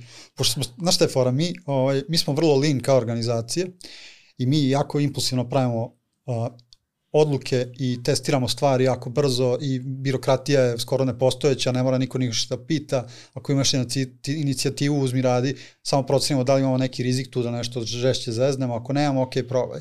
Tako da mi, mi pravimo puno grešaka, znači, a, i broj tih grešaka je toliko velik da ja jednostavno ih ni ne pamtim. Znači, ono, moj mozak tako funkcioniše generalno da ja jako brzo zaboravljam negativne stvari u životu generalno i u privatnom i u poslovnom. Ja sam jako brzo zaboravljam sve to. I ja sad iz glave ne mogu da se setim ničega što je bila neka kao greška koju sam zapamtio.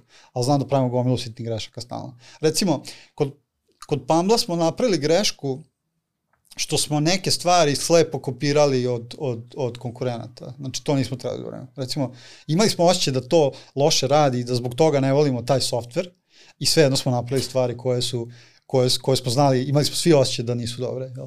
Ovaj, ali smo jesto kao išli tom putanjom manjeg rizika, aj kao ovo, ovo je kao market standard, svi softveri to imaju, daj da mi to napravimo.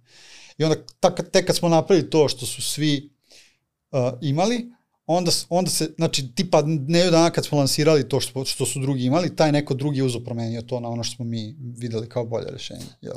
Tako da, tu, tu smo pravili neke product greške. Što se tiče marketinga, što se tiče uh, growtha i tako tih stvari, mislim da ne identifikujem nikakvu grešku do sada, zato što koristimo playbookove sa Clockify. Znači sve marketing strategije, sve I radi taktike. i tamo i ovde i na trećem proizvodu. Tako je, da. Znači vidimo isti grow, znači nekako je slična growth trajektorija što se tiče, a, nije što se tiče revenue, ali slična growth traj- trajektorija što se tiče kori, korišćenja softvera. Što, vraćam se na početak razgovora gde si ti rekao sto vanity metrike i da ne znači ništa. Znači, mi sad na Pamblu imamo puno dnevnih korisnika, ali nemamo toliko, n- nemamo toliko naplate, jel? tako da nisu te trajektorije identične, ne poklapaju se trajektorije a, a, usage-a sa trajektorijom financija. To, se- tu, tu imamo razlike u odnosu na Clockify i Pambu. I onda ste napravili treći SaaS proizvod. Tako je, da. Napravili smo treći proizvod koji se zove Plaki.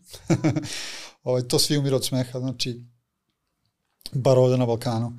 Uh, ime, ili te zanima kako je to, pošto Ko je krstio, ko je kum? Znači, a, imali smo inicijativu unutar firme, tu je već bilo stotina zaposlenih i onda smo rekli, ej, ajde, ko smisli najbolje ime za treći proizvod i da nađe domen koji nije, ne znam, stotine hiljada dolara, dobije nagradu, ne znam koliko para, ne mogu zaboraviti se. I, ovaj, I onda su s- ono, svi krenuli da, da daju predloge sa .com domenima i tako dalje. I onda je jedan lik izbacio uh, ideju uh, plaki.com, znači plaky.com i naravno svi počeli, svi su to doživjeli, mislim on je to izbacio ko za jebanciju, ali taj domen je bio slobodan i košto je tipa 5000 dolara, tako nešto. I ovaj, i svi su ono, umrli, umrli smeha i svi su to videli kao za jebanciju i on je to video kao za jebanciju. Međutim, ja kad sam to video, Evo ti pare. ja kad sam to video, ja sam bio u fazonu, čekaj, plaki, plejki, kako se ovo čita na engleskom, aha, pa dobro, znači na zapadu bi ovo čitali, ok, nema na zapadu asocijacije sa ovim što je asocijacija u Srbiji, ajmo ovo, razumeš, i kupili taj domen i ovaj dečko što je dao iz jebancije taj predlog je do, zaradio pare dodatne, jel? Ovaj, I eto, tako je plaki posto plaki, jel? I šta I- radi Plaki? plaki, plaki projekt menadžuje. Znači, pravi task liste, ono, što radi Jira, što radi Asana, što radi Trello, to radi Plaki, jel? I Plaki deluje da će bude naš najpopularniji proizvod. A, stvarno je dobar proizvod, baš smo ga dobro napravili i ovaj i ljudi se lepe ko ludi na njega i neko nam deluje da će to da bude naš flagship proizvod za 5 godina. Jel? Da prešiša Clockify. Deluje da će preći Clockify, da. Ovaj, ne, ne sada, ne ove godine, ali in the long term, verovatno je to jednostavno makroekonomski uticaj jednostavno veličine marketa. Znači, očigledno mnogo firmi više treba, a, mnogo firmi koje su tehnološki pismene, to je digitalizovane, trebaju a, issue tracking alate nego što trebaju možda time tracking alate. Jel? Tako da, mo, ne mogu da procenim šta će bude jednog dana kad 99% biznisa budu digitalizovani i tehnološki pismeni. To ne mogu da procenim tu distribuciju, market distribuciju, ali ono što je danas stanje jeste da je to taj market mnogo veći nego, nego ovi drugi marketi na kojima radi. A kako ste merili sada a, veličinu potencijalnog tržišta za sve ove proizvode? Evo možda za Plaki poslednji. Kako Pa ste to gledali? nismo, nismo to ni morali. Znaš šta, mislim, znaš osjećajno, znaš ono kao komparativno. Ja znam da je projekt management market veći od time tracking marketa. To je, to je svima jasno po osjećaju, ne moraš ni da radiš eh, research. Ali mi formalno nismo nikad ni radili research, zato što mi nismo imali investitore. I mi nismo morali nikom da pravimo pitch deck sa Znači slajdom. po osjećaju.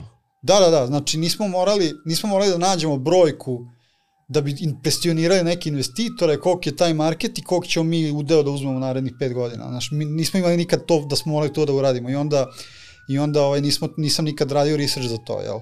Svi investitori koji sad dolaze kod nas, oni već imaju sve tvo, svoje te sve brojke bolje nego ja, znači oni će da znaju bolje nego ja kolika je veličina tog marketa, znaš, šta ja da im govorim to ili da mi trošimo vreme na to, znaš, tako da mi samo posmatramo koliko je koliko ima firmi koje su publicly listed i koje su ono vredne, a koje samo to rade. Mislim, imaš nekoliko firmi koje su sad public kompanije koje rade samo, koje imaju samo projekt management alat, jel? Sad na majici zanimljiva stvar da ste pod okrilje Cake.com-a stavili celu kompaniju i jedan od najskupljih nazi, naziva i domena, ako bismo računali po slovu koliko košta. da, cool. To je zan- zanimljiva priča generalno, kako ste došli do tog sad drugog naziva i nije situacija bila kao sa, sa Plakijem gde ste prošli, neko bi rekao skupo 5000 dolara, ovde ste već morali da se isprsite dobro. Da, da. Ovaj, pa znaš kako, ta, ta industrija, ne znam koliko te široko sad zanima ova priča, ali ovaj, Ali zanimljiva je tema, daj, možemo da, Da. da je... Znaš kako, ovaj, kao što imaš, uh, mislim, scarcity efekat je prisutan u mnogim industrijama. Znači, ako ćemo pričamo sad striktno o digitalnim stvarima, znači imaš scarcity, ne znam, u Bitcoinu, u Ethereumu, u NFT-evima, tu, tu su sve neki new age scarcity efekti koje stariji ljudi ne razumeju i koji ne vide veli u tome. I recimo, uh, do, prvi, do, prvi komercijalni domeni koji su nastali, to je TLD, top level domain, je .com, jel? I onda on najduže postoji i kao ima neki percipirani najveći, pre, najduži prestiž, jel? I, ovaj, I taj market je takav da jednostavno svi ti domeni su rasprodati, znači bukvalno ti ne možeš naći nijednu više kombinaciju slova koja ima smisla, koja je jedna ili dve reči, koja već nije registrovana, jel? I ovaj, I tu postoji taj scarcity u smislu da ne možeš da, dođeš da, kup, da samo registruješ nešto i to je to. Nego to, taj market funkcioniše tako, vrlo je, vrlo je uh, kontrolisana distribucija. Znači imaš imaš vlasnike tih domena koji su pokupali sve najbolje domene 90-ih, ova je recimo kupljen 96. Uh, Znači imaš jedan strane vlasnike tih domena koji su neretko kompanije koje su holding kompanije koje drže to, a imaš nekad i pojedince koji su kupili par domena, naš setili se pa, invest, ovaj, pa, pa, pa su dobro prošli. Znači njih zastupaju neki, neki agenti, neke firme koji su brokeri.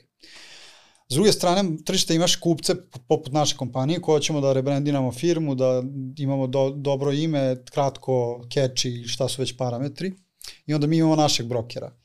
I onda naš broker koji je na tržištu non stop, koji snima šta sve ima na marketu, koji sve domeni su na prodaju i tako dalje, oni imaju jako puno informacije o tome. I onda oni tebi pošalju na početku tog procesa, ti potpišu ugovor s njima i oni ti pošalju ogroman jedan Excel file u kojem imaš gomilu stotine domena koji su premium karaktera, znači kratki, lako pamtljivi šta već.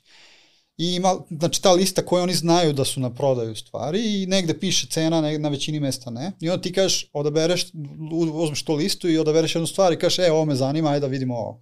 I onda on pošalje tom brokeru koji zastupa prodavca da pita koliko oni traže, pa to krenu pregovori. Jel? I onda ti pregovori mogu da traju dugo. Koliko ste vi pregovarali za cake? Za cake konkretno oko 7 meseci, ja mislim, da je trajalo pregovaranje. Ovaj, da, s tim što smo, s tim što smo na ceo proces potrošili dve godine. Znači, mi smo dve godine nađemo domen, krenemo pregovaramo, onda vidimo da ne može se dogovaramo. To već smo potrošili pet meseci, pa pređemo na sledeći. Pa je opet pregovori, dogovori, pa vidimo da ne ide nigde, tri meseca bačen, ajmo sledeći domen. I tako smo mi dve godine pokušavali da kupimo ovaj domen i onda smo naleteli na Cake i onda kada su prekrenuli pregovori, to su isto bile neke ono kretenske cifre, ovaj, koje su nas to bile ono kao... Kako je bila najskuplja cifra koju ste dobili tada za, za neki domen? Pa imaš da traže ljudi po 50 miliona, po 100 miliona traže. Da. Dolar? Da, da, da. Znači imaš ono neki domeni koji ono, ljudi su rešili da dobiju 100 miliona za to, ok, da treba čekam 20 godina za to, dobro, čekat ću 20 godina za to. Mislim, to i nije loša strategija, znači, samo da ne umreš pre nego što dočekaš to. I, ovaj, i taka smo, taka smo stav mi viđali kod mnogih, zato što često oni nisu ni prvi put, prvi first time owneri, nego su investitori koji su već potrošili 5 miliona na to i oni sad mora da zaradi, da izvuče tih 5 i da zaradi još, jel? Imaš dosta tih situacija gde su pre, gde je druga ili treća ruka već, jel? I tako se te cene duvaju, jel?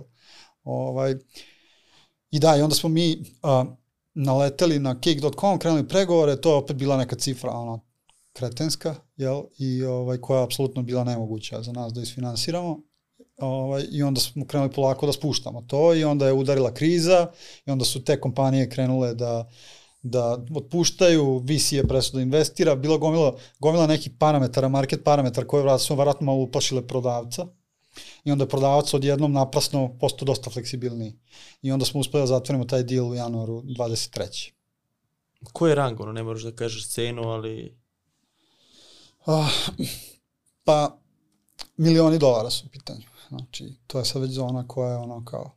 Za, za domen, ali sad, ono, sigurno imate, imate računicu. Šta znači sad to da ste odabrali taj naziv, odradili ste rebranding, i taj povrat investicije je veoma brz. Šta donosi taj domen i taj naziv? Pa ostaje da vreme pokaže, znači ne, još uvek ne vidimo ništa, još je sve rano. Ono što vidimo jeste subjektivni feedback koji dobijamo od ljudi. Znači, ono što možemo danas da vidimo posle svega, mi smo se rebrandirali pre možda mesec dana ili mesec i po dana, moj seti koliko je vremena prošlo. Odatle i moja volja da, da, ovaj, da malo izađem u, u podcaste. Iz podruma, kaže. Pa da, malo da izađem, da, ovo, da skinem prašinu sa potiljka i da dođem kod vlade na podcast. Ovaj, da malo da malo i ja dobijem neki veli od ovoga. Ovaj, uh, hvala za distribuciju, by the way.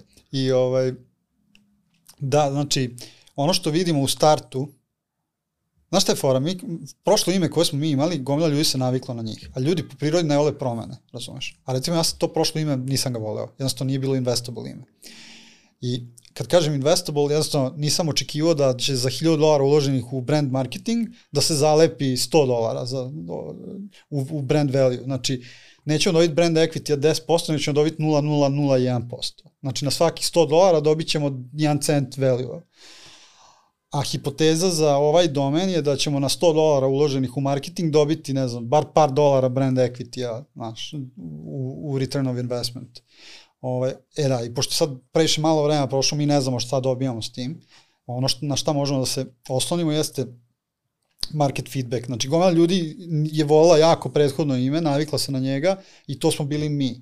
Oni su živeli to ime. Oni su izrazili ogroman skepticizam kad sam ja uh, došao sa tim predlogom da kupim ovaj domen. Znači, svi su bili u da, vrate, šta je ovo, mislim, ono, znaš, ono, maltene mi niko nije dao podršku da, da, ovo, da to uradim, pogotovo kad su čuli koliko para treba da potrošimo na to, jel? I totalno sam imao, znači, ono, pushback od svih menadžera, svih ljudi koji su, ono, najuticajniji u firmi, koji su izuzetno pametni i sposobni ljudi i kojih imao jako puno, znači, svi su, ono, imali kao, ovaj ne, nije normalan, ono, kao, pravi, uvalit će nas u neko sranje. Znači, osjećam da je, tako, da je, da je takav, takva reakcija bila. Ovaj, I to su mi komunicirali, pošto nemaju problem da mi kažu kad misle da sam da, da nešto glupavo uh, razmišljam. Jel? I, ovaj, i, I da, i onda kad smo konačno lansirali to ime i kad su svi videli i kad smo počeli da dobijemo jako dobar feedback od strane spoljnih strana koje su to videle i onako koje su emotivno reagovali na to, onda su ljudi počeli malo da menjaju sentiment. I, ovaj, i kažem, na osnovu tog feedbacka deo smo napravili super stvar, jer unosimo neku unosimo neke emocije u sam brand koje nismo jednostavno pre imali i, ovaj, i, i sad već to se vide, vide se neke rane metrike benefita tu. Jel? Ne, sa, ne, kroz, ne kroz user akviziciju, zato što mi još nismo promovisali ovo ime nikom, nijednim našom korist, znači ti kad na Clockify ti ne vidiš nigde cake, Znači, to se još nigde ne spominje. Znači, jedno kada na cake, vidiš Clockify, ali ne, ne obrnuto. Nismo još spremni za to. Čekamo neki velik value da stvorimo na cake.com domenu, da kad ljudi odu tamo da mogu nešto zapravo da vide prema što ga predstavimo našim korisnicima. Ali kažemo, ovo što znamo na tržištu rada, imamo pozitivne reakcije. Znači, iz nekog razloga dobijamo mnogo više prijava za, za otvorena radna mesta nego što smo dobijali ranije. Znači, sad šta je, koji je to psihološki efekat, to ja ne mogu da objasnim možda volao bi da neki psiholog dođe da analizira to da kaže e, ovo vam je prošlo ime, ovo vam je sadašnje ime i, i ovo je razlog zašto sad dobijate više prijava za radna mesta. Ovaj, to je recimo stvar koju vidimo danas i koju su mi HR, koju mi je HR tim prijavio. Jel? A ovo sve ostalo još nismo ni testirali. Tako da delujemo, deluje nam da je ovo ime investable i da jednostavno sad možemo konačno krenemo da radimo brand marketing u, u, u punom kapacitetu. Znači sad možemo krenemo da snimamo reklame, da, koje, ne, koje ne, ne pričaju ništa o našem softveru, nego jednostavno kreiraju emociju, kreiraju vezu sa, sa brendom, jel? Ovaj, I to sad, to sad nam je, sad smo napravili tim i za kreativni tim koji će se bavi samo snimanjem reklama. Znači, ko ljudi koji smo doveli iz vodećih svetskih agencija, koje su radile ono, produkciju reklama, mi sad to radimo in-house u saradnji sa nekim uh, produkcijskim kućama. Jel? Tako da, to je sad potpuno nova dimenzija razvoja naše kompanije I ja sam, meni to jako sad sve zabavno i mnogima je sad to zabavno zato što zalazimo u tu zonu brand marketinga i dugo smo čekali da dođemo do toga. Mislim, to je isto u sustainable maniru, znači mi smo sad, mi radimo te sve stvari kad smo shvatili da, da možemo da ih priuštimo, jel? pre toga nismo se usuđivali ništa da, da radimo. Ti se za razliku od većine kad pogledamo i startup foundera i IT-evaca, ne li biš se da izneseš svoje stavove i na društvenim mrežama i tu se digne dosta, dosta i prašina. Mislim da se najviše prašine tu diglo za LGBT i stav koji si tada izneo možda greše, je li bilo negde više prašine ili je to bilo... To je bilo najgore, da. Šta je tu bilo? Pa, šta te zanima konkretno? Moji razlozi za to ili... Pa ne, ili... generalno prvo za ljude koji ne znaju, nisu upoznati Da. s pričom, da ispričaš šta si uradio i onda ti efekti, šta se sve tu izdešavalo, Ne znam koliko ima vremena, hoćeš celu priču ispričati? celu priču, Ok, nećemo da, da krajicujemo. Dobro, okej. Okay. Um, ja, mislim, živim u Kaliforniji već dugo. Znači, za mene je životna realnost tamo da, ono, to su završene teme. Znači, istopolni brakovi postoje, usvajanje dece od strane istopolnih zajednica postoje. Mislim, to su stvari koje su završena priča. Znači, tu više nema diskusije oko toga, svi smo prošli tamo, to je gotova priča ispričana tamo, svi znaju da to nije nikak problem i da to nije ništa loše i svi znaju da su deca koja dođu od istopolnih zajednica statistički uspešnija i bolja i srećnija, znači to, to, to je sve tamo činjenica, to nisu više diskusije. I ja lik koji, kao, koji živim tamo i koji imam komšije next door koji su ono članovi te populacije, za mene je to jednostavno deo života i ja tu jednostavno nemam nikakve moralne dileme da li ti ljudi treba da imaju ova prava ili nemaju prava. Znači, po meni oni treba da imaju sva ista prava kao i svi ostali. Jel? I, ovaj, I to je jednostavno deo mene i deo mog lifestyle-a i prirodno je da ću ja kao vlasnik firme koji ima takva uverenja i takvu, takve standarde, no, vrlo je prirodno da ću ja da, da radim transmisiju sobstvene kulture na kulturu firme. Jel? I ovaj, jednostavno i, i, i u Srbiji jednostavno a, kroz godine a, kroz godine a, rada i operacija ovde je meni jednostavno ja sam znao kad sam bio teenage da neko ide na gej paradu da tuče ljude i to, to sve sam ja znao to anegdotalno, ali kad sam otišao u Kaliforniju sam to zaboravio, jednostavno zaboravio sam šta se to sve dešavalo. I onda je moja slika o Srbiji bila ono otprilike, ej, zaboravio sam sve loše stvari kad sam otišao iz Srbije, samo sam dobre zapamtio, to mi je u prirodi jednostavno. I ja sam mislio da je Srbija jednostavno ista kao mesto gde živim, znači jednostavno to se kome je podrazumevalo, iako u praksi to nije bilo tako. I šta se onda desilo? On se desi da lupam, mi imamo Slack kanal, gde nas 50 u firmi i neko napiše neki homofobni vic, recimo. I ovaj, i sad meni to, desi to prvi put, i ono, ja skontam rekao, ok, pa dobro, znači, aha, znači u Srbiji je to socijalno prihvatljivo da imamo homofobni vic, ajde da malo edukujemo ljude da to nije baš ok, razumeš, i onda prvi korak je bio, ej, ajde ljudi, ovo ne bi trebalo ovakve vice, ovo nije lepo, ono, aj nemoj to da radimo, ovaj, ajde da dodamo ovo u pravilnik, da kad dođe neko prvi put da pročita pravilnik, da nema homofobnih viceva, da nema a, ono, gender stereotip viceva i sve te neke stvari, ajde, ajde da se ne šalimo s ovim stvarima. Znači, to je kao bilo neko prvi neki, prvi neki korak koji se desio pre godinama, godinama unazad, jel, u našoj firmi. Onda se desi da zaposlimo nekoga ko recimo pročita to pravilo i kaže šta je ovo, ono kao ljudi jeste vi normalni, ono ja, ja baš neću to da slušam meni. I onda ja shvatim ok, aha, znači ovo trebali smo možda bolje da iskomuniciramo naše vrednosti pre nego što pre nego što neko dođe, jer ono ne želimo ovakve situacije, jel da neko ko iz religijskih ili kojih već ubeđenja misli da je to satanistički to što mi ne dozvoljamo viceve o, koji su homofobični. Jel? To je bilo neka druga, drugi korak koji se desio gde sam ja shvatio šta se događa. Jel? I ovaj, i onda u želji da sprečimo, a, da, i onda to je otprilike visilo u vazduhu negde i šta se onda desilo? Onda se desilo da smo mi već postali uspešna firma, da smo postali cash flow pozitivnog proizvoda i da imamo dobru finansijsku moć i da i onda je došlo do, a, do, do, mo, do moje svesti da unutar Coinga, tadašnjeg, koji se danas zove Kick.com, postoji jedan procent populacije koje pripada toj populaciji, jel? I igrom slučaju ti ljudi su najbolji ljudi bili u kompaniji, znači najbolji performeri, najzaslužniji za naš uspeh, koji su vukli ogromne eforte iza se. Znači jednostavno, ispalo je tako da su neko najbolji ljudi koji su najviše doprineli i najveći value stvorili bili upravo članovi te populacije. Znači. I onda neko meni je bilo prirodno u tom saznanju da da jednostavno uradim šta mogu još da nekako vratim tim ljudima to što su oni meni dali jel, i što su dali našoj organizaciji. I posljednja, prva stvar koju sam mogu da uradim, koja iz moje perspektive nije imala nikav rizik, ni trošak, je bila da ono nešto uradim po, po pitanju njihovih prava jel, u Srbiji i tako dalje. I onda je prvi korak bio, ok, ljudi, ajde, ajde da ne bi zapošljavali više homofobe koji neće moći da rade s nekim koje možda deluje njima kao, kao pripadnik te populacije, ajde da malo više skrinujemo na intervju i da se pobrinemo da ljudi koji su u tom fazonu da ne dođu u naš kolektiv. Jel? Možemo da priuštimo. U Srbiji ima, ne znam, 50.000 programera, ne moraju svih 50.000 programera da rade kod nas. Znači, nama je dovoljno da jedan procenat odluči da hoće da deli naše vrednosti i da hoće raditi s nama. Jel? Što bi svi morali da hoće raditi kod nas. To jednostavno nije neophodno. Kao što neće svi da koriste naš softver, ne možemo da imamo 100% marketa u softveru, što bi morali da imamo 100% labor marketa u tome. Jel? I, ovaj, I po tim modus operandijem mi smo počeli da skrinujemo ljude na intervjuima oko toga kako oni razmišljaju po pitanju prava i položaja LGBT populacije u Srbiji. Jel?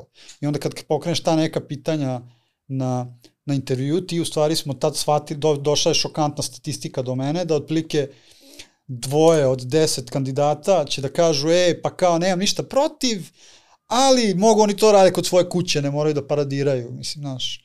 Ovaj, a da recimo, ne znam, jedna od, od, pet, od ne znam, 20 ljudi će da kaže ja njih mrzim, nego podnesem, treba ih u, ono otprilike u zatvor na goli otok ili šta već, razumeš? Znači, to ti je realnost a, Srbije čak i u tom marketu, znači, u, u, u tom labor marketu, znači, iako su ljudi visoko intelektualni i tako dalje, oni jednostavno imaju taj deficit kulturološki koji se meni nije sviđao i koji ja nisam teo da dozvolim u našoj kompaniji, razumeš. I šta se onda desilo i onda, i onda je bilo, aha, znači mi diskvalifikujemo 20% ljudi zbog toga i trošimo toliko resursa na testiranje, intervjue i tako dalje, to sve košta vreme, inženjersko, HR vreme, znači to je trošak, gubimo vreme tim ljudima, gubimo vreme našim internim resursima da procesiraju te ljude, aj mi da na oglas stavimo, moja ideja briljantna, mislim, to je, ono, to je jedna od glupljih odluka, razumeš, koje sam donao, ali sam posle morao da se držim nje. Ovaj, ja kažem, ej, ajde, ajde da ne bi wastovali 30% recruiting resursa, ajde samo napišite na oglas da ono, ako nešto ima neko pro, problem s tim, da se ne, ne prijavljuje, razumeš, ono, štedimo mi njima vreme. Šta ste napisali, da pa, nema ono, problem sa... Oko, otprilike, ako misliš da, da, da ono kao, da LGBT populacija ne treba da ima ista prava kao mi svi ostali, nemoj da se prijavljuješ na, na, na, na, na posao, razumiješ. Ja smo mi to stavili na oglas i to je stojalo jedno mes dana u svakom oglasu našem za posao. I onda ne mogu da setim šta se desilo, ali neki novinari su to pokupili. Znači, neko je to video, neko je to rekao na nekom forumu, negde neko to postao, ne znam, neki screenshot, to je pokrenulo, ne znam, neku lavinu hejta na, ne znam, Redditu ili gde već, i onda su to pokupili novinari, onda su novinari došli u kontakt s nama, i onda sam ja dao izjave, i onda to otišlo, dođavalo sve. Jel? I kakve su bile reakcije? Ovaj, Katastrofa.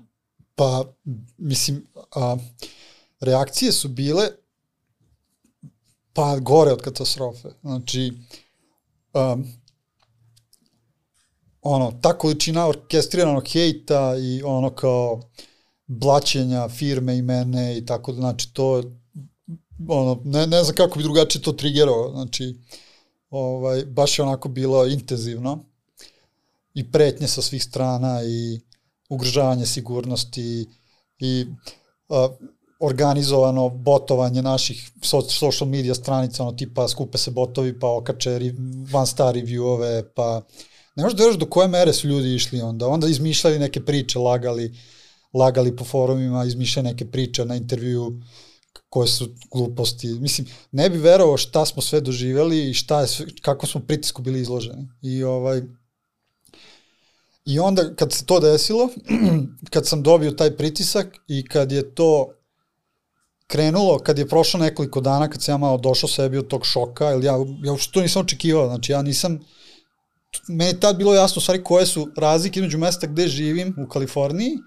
i mesta odakle sam došao, jel, po pitanju, po tom konkretnom pitanju. Znači, nikad mi to nije bilo vidljivo a, do te mere kao, kao u tom momentu, jel, i ovaj, I onda sam posle par dana kad sam se oporavio od tog inicijalnog šoka, on sam rešio ono, seo sam sa sobom da vi malo šta ću da uradim po ovom pitanju i onda sam donao odluku da ono, double down. Znači, ne povlačenje, nego ono, ajmo u rat. I, ovaj, i onda sam, i onda smo napravili jednu donaciju prema jednoj organizaciji koja, koja ovaj, zastupa prava LGBT zajednice. I smo opet i tu dobili backlash koji je bio vrlo sličan ovom prvom.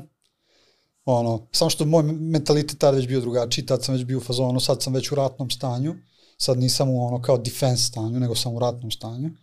I onda, znaš, opet backlash broj 2, znači spike backlash broj 2, I onda kao, kako ćemo reagovati na ovo? Ajmo još jednu donaciju. Onda smo donirali još jednoj organizaciji i objavili to i postali generalni pokrovitelj Pride-a i ono, bukvalno ono, do kraja. Znači, i, ovaj, i to ti je ono otplike priča. Znači, svi su bili u firmi šokirani time, ali u suštini mi smo ostvarili neki cilj koji nam je bio uh, kulturološki cilj, znači da jednostavno ne želimo ljude koji imaju problem sa tim stvarima s kojima mi nemamo problem i to je bitan deo naše kulture i ako to bio način da, da mi to iskomuniciramo i da na taj način platimo, ja mislim da to bilo vredno toga. Jel?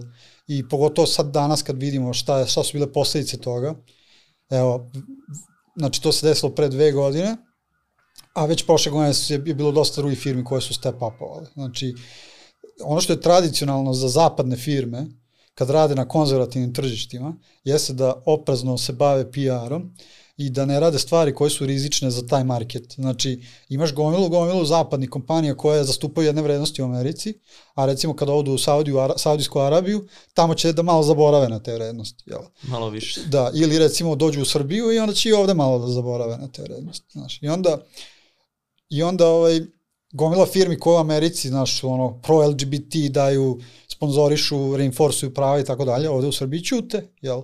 I, ovaj, I onda mi je bilo izuzetno drago kad sam vidio da su na našem primeru vidjeli da to u suštini nema neke posledice osim možda emotivnih, ovaj, da poslovnih posljedica nema. Onda su ono se odvažile i druge kompanije zapadne u Srbiji koje posluju ovde su se odvažile da javno podrže prava LGBT manjina ovde. Jel? Tako da ovaj, drago mi je što smo mi to pokrenuli. I iako kažem emo, emo, emotional, emotivni trošak toga je bio visok, sad danas kad gledamo nazad, kad posmatramo stvari, satisfakcija je daleko veća, jel? Tako da ovaj, sve bi isto uradio da me pitaš da me pitaš da li bi ponovio to. Kako sad izgleda taj proces selekcije, ljudi koji vam dolaze, već znaju cijelu priču, uštedili ste tu dosta, Jel imate tu možda problem sa kandidatima da ne možete da dođete do njih ili... Pa znaš kako izbacili smo taj, a, apsolutno ne, znači apsolutno ne. Znači mislim da smo čak počeli da mnogo bolje kandidate. Znači nakon toga, vrlo kratkoročno, vrlo, vrlo jasan efekat je bio da smo počeli da mnogo bolje kandidate. Znači ljude koji su naputovani, široki, načitani, koji su ono koji imaju neku drugačiju perspektivu koja je jako benef, enormno benefitarna za naš biznis. Znači, po, enorman je benefit da u firmi imaš diversity perspektiva i razmišljanja, jer svaki problem može da se analizira iz gomila uglova, jel? I to ima nevratan value za decision making, za product, za sve to, sve to ljudi što misle da nije bitno, u stvari ima indirektne efekte koji su izuzetno bitni. Jel? Znači, taj diversity perspektiva je neviđeno bitan za sve firme koje trebaju kreativne. I ovaj, tako smo vi, vi, mi već u startu bili izuzetno zadovoljni sa vrstom kandidata koja su se počeli se prijavljuju kod nas. I onda smo shvatili, ok, da dobro, znači mi sad smo dobro efektivno iskomunicirali šta su naše vrednosti i to i dalje stoji u našim vrednostima na našem sajtu, ali ne, ne radimo to eksplicitno na intervjuima, znači ne skrinujemo nikoga eksplicitno za te stvari više, jer nema potrebe. Tebe je to možda ispričalo, pričao si o doprinosu dijaspore Srbiji, uključivo si su razne organizacije u Americi, uh, to jest organizacije koje pomažu Srbiji, međutim nisu mogli tu da te prihvate baš zbog tih stavova. Da, znaš šta je zanimljivo? Ovaj, uh, mi Srbi smo jako loše organizovani u drugim državama po pitanju lobiranja i zajednice. Uh, mislim da većina drugih nacija svetskih imaju mnogo, mnogo bolje organizovanu lobbying effort i, i, i sve te stvari koje su spoljni pritisak na strane zajednice i vlade u korist neke države. Znači, mi smo loši oko toga. Jednostavno, u Americi ne postoji ništa što je neki aktivni pritisak na američku vlast da uradi nešto dobro za Srbiju. Znači, ti eforti su izuzetno slabi. Mislim da gomila drugih nacija, čak i u našem okruženju, ima jako dobro, dobre uticaje na to i to jednostavno mi vidimo time što gubimo na, na ono spoljno političkom polju baš smo loši, jel? Mislim da baš nekako ređamo non neke poraze, jel? Ovaj, u međunarodnoj u međunarodnim odnosima i svemu tome. Mislim, nisam stručan da koristim prave izraze, ali me valjda razumete. Znači, I ono što je isto karakteristično za Ameriku jeste da većina naših, većina tih organizacija koje zastupaju interese Srba, efektivno ili manje efektivno, imaju prilično konzervativne stavove, politički generalno, da li za biznis u, u smislu fiskalne konzervativnosti koje sam ja isto fan toga, ali recimo podržavaju dosta i konzervativnije stavove po pitanju socijalnih pitanja, kojih ja nisam fan. A. I onda recimo ja, ja sam konkretno u Americi politički homeless, znači ja, ja konkretno ne osjećam a, nikakvu pripadnost ni u jed, ni jednoj stranci tamo, kad pričamo o vrednostima. Recimo, republikanci, oni su fiskalno konzervativni, što znači manje poreze, manje bolje uslove za biznis, manje regulativa, manje birokratije. Znači, to su sve stvari koje su dobre za biznis, ali su istovremeno u istom paketu dolaze sa, sa konzervativnim stavima po pitanju socijalnih pitanja. Znači, oni su ono kao u fazonu guramo religiju, a, protiv smo prava žena, protiv smo abortusa, ono, te neka socijalna pitanja koja su, ovaj, koja su, koja su, a, a, koja se postavljaju tamo u zadnje vreme, republikanci su dosta konzervativni, dok recimo demo, demokrate, oni su fiskalno izuzetno nedisciplinovani, znači oni njima bi, oni samo bi da povećavaju poreze, samo bi veću birokratiju, samo bi više zaposlenih u javnom sektoru, stalno bi da dižu dug, uh, ceiling duga, a s druge strane socijalna pitanja uh, imaju liberalnije stavove. Znači, i tamo trenutno ne postoji ni jedna stranka koja ima uticaj, koja ima recimo kombinaciju fiskalne konzervativnosti i socijalne liberalnosti. Znači, to tamo ne postoji, ovaj, bar ne u meri koja ima neki uticaj. I, o, I onda eto igrom slučaja te kon, srpske organizacije koje se bave lobiranjem ili zastupanjem prava Srba u Srbiji ili tamo, jednostavno imaju neku tendenciju da budu konzervativne. I, ovaj, i ono tipa da, da slepo podržavaju konzervativne kandidate koji dolaze. Faktički sve što se fiduje iz republikanske stranke koje ja nisam fan, a isto tako nisam fan ni, ni ove druge stranke, znači oni, sve što republikanci fiduju kao kao timska igra, timsku igru, to usvajaju naše organizacije tamo i onda jasno nisam nisam osjećao da, da mogu da, da, da, da proglasim allegiance sa nekom takvom organizacijom, jel? Ne znam da li ste odgovorili na pitanje. Jes, ja, jesi upoznao naše uspešne ljude u Americi? Da, da. Tamo recimo na konkretno na zapadnoj obali u Severnoj Kaliforniji, u San Francisco, Silicon Valley i tako dalje, sve ljude koje sam upoznao, naše, svi su neki briljantni, svi su neki prepametni, svi su neki izuzetno fini, cool ljudi s kojima bi se rado družio. Možda oni neće se družiti sa mnom, ali ja, ja, bi, ovaj, ja, ja bi s njima se družio uvek. Znači, nisam upoznao nikog ko sam rekao, je, je, ko je ovo neki šaban, ne mogu da se družim. Znači, bukvalno jednu osobu. Tako, ni. tako naši ljudi tamo, u tom kraju gde ja živim, gde imam vidljivo, su super. I ja imam neke mentore koji su stariji od mene, koji su naši. Recimo, Nikola Božinović, ne znam da li znaš za njega. Ne, je li bio on gost? Nije. Ovaj, Nikola Božinović je ono, najveća faca, razumeš, srpskog softvera. Ovaj, on je moj komšija i on je uh, on, on je meni nesebičan mentor, znači bukvalno sve te stvari koje on zna, koje ja ne znam, on nesebično deli sa mnom i, ovaj, i sa mnogim drugim ljudima. Ima tamo primjera gomila naših ljudi koji su igrali igru, pobedili igru, ono, bi malo se udaljili, sad ih više ne zanima, sad im je zabavno da da pomažu i da mentorišu ljude koji dolaze iz Balkana. Recimo Nikola je moj, o, jedan od top mentora. A, ima tu još drugih ljudi, sad žao mi što, što ću nekog zaboraviti kad kažem, ali ovaj, da, znači naši ljudi tamo su super i, ovaj, i baš su ono spremni da pomognu i, i ja isto gledam. Ja kad sam došao tamo, meni isto gomila ljudi pomoglo oko raznih stvari, oko introductiona, oko nabacivanja poslova, oko svega i onda se ja trudim da to, da to vratim danas. Jel? Kad neko novi dođe, trudim se da podelim svoju mrežu, da, da dam kauč, da prespava. Da, ja. Koliko je bitno da imaš takvo okruženje? Rekao si ovde sam na listi top 100 najbogatijih, a ja sam tamo okružen ljudima koji su mnogo bogati, koji su najnormalniji ljudi, obični ljudi, Da, znači, da, mislim, tamo, tamo šetaš ulicom i, ovaj, i u susret tebi dođe Mark Zuckerberg u papučama, liže sladoled, jel? Ovaj, tako da, ne, mislim, ko, nešto sam čitao neku statistiku da u Silicon Valley, da tamo u Silicon Valley, San Francisco Bay Area, da je tipa svaka osmohiljadita osoba milijarder. Tako neka statistika. I onda ja jednostavno, ja sam tamo, ono, anonimus, ono, još jedan just another guy.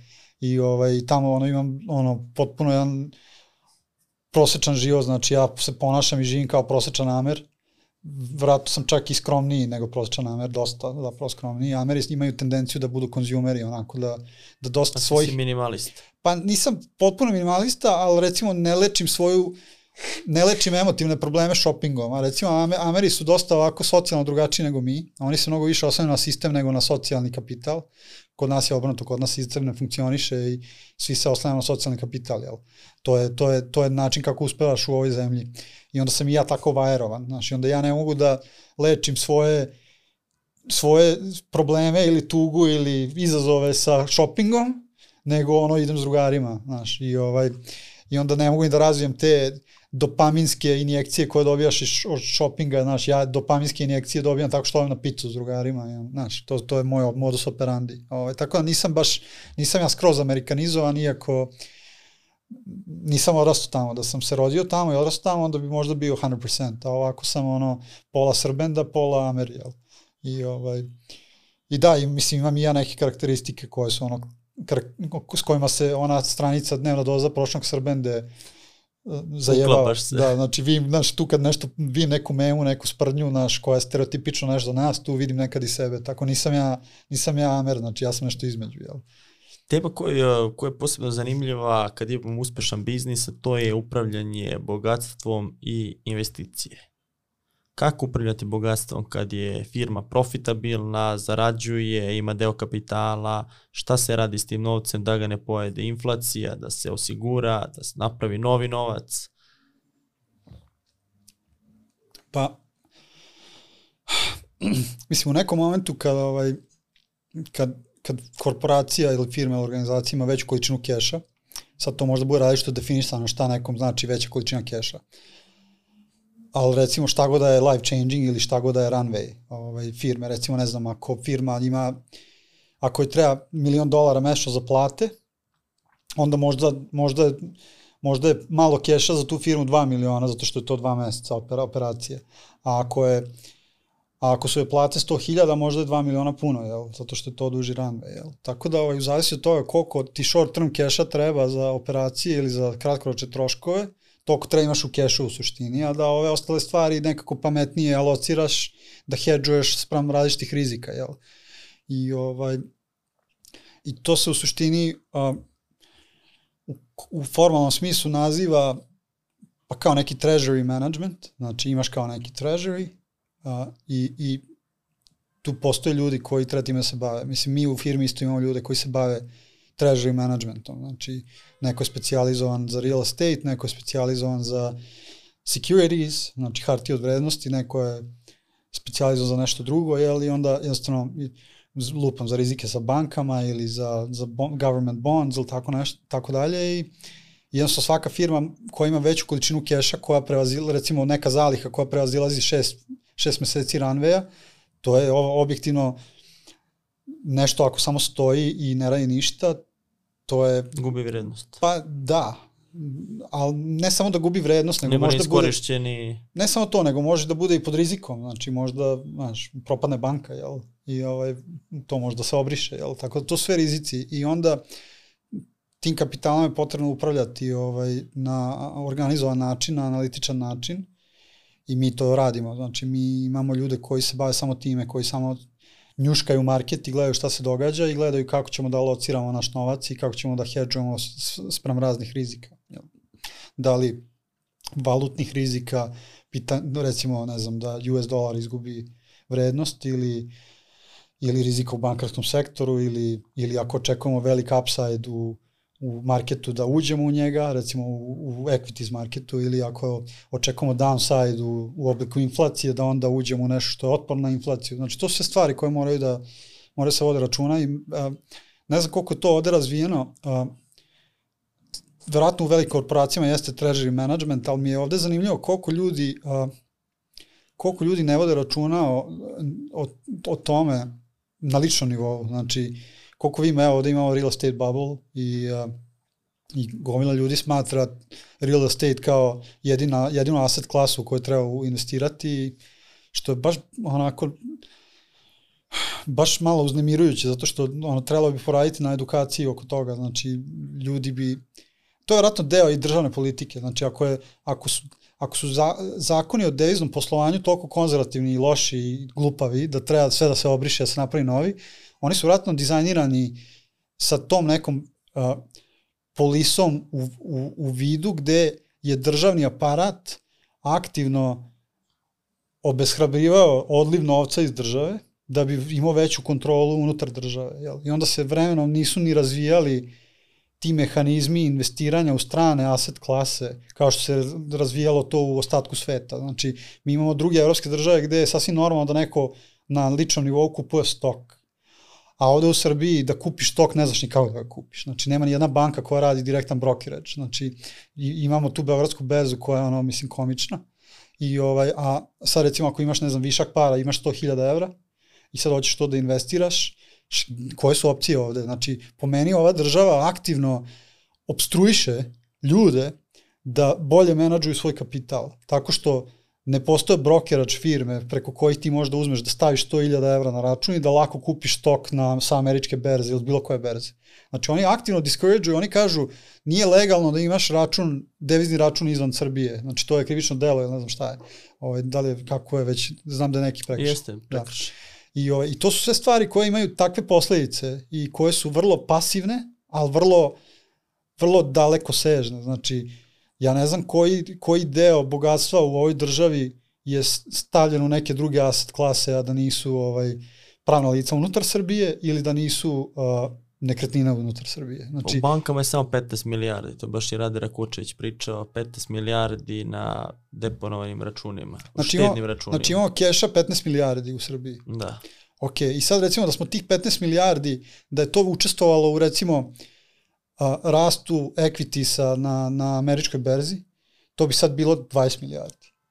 Razumeš, znači Srbija bi bila bogatija za 5 milijardi da smo dve godine imali 15 milijardi u stock marketu. Jel? Mislim, nije to uvek, postoje tu ciklusi kad ide gore dole, ali long term igra je uvek prilično izvesno pozitivna. Znači imaš ETF-ove koji ono, desetogodišnji prinos im je ono multi-x, jel, 500x su prinosi, jel, tako da to, na tome i ova država gubi, ne samo individualci, jel, i to, mislim da bi to trebalo pod broj 1 da se promene, znači, zakoni o deviznom poslovanju, znači, da se ovaj zakon potpuno obriše, da se liberalizuje protok deviza, znači, ulaz i izlaz deviza, i da onda to stvori ceo niz usluga za retail market koji će da omogući retail investitorima da učestvuju u rastu neke kompanije na zapadu. Recimo, naša kompanija će možda u nekom momentu biti izlistana na berzi, me bi bilo jako cool da recimo neko kupi naš stok na IPO iz Srbije i da ne znam za 5 godina ima 5x return na tome. Jel? To su sve stvari koje indirektno mogu da vrate veli u ovoj državi. Evo Siniš ako nas sluša može da, da primeni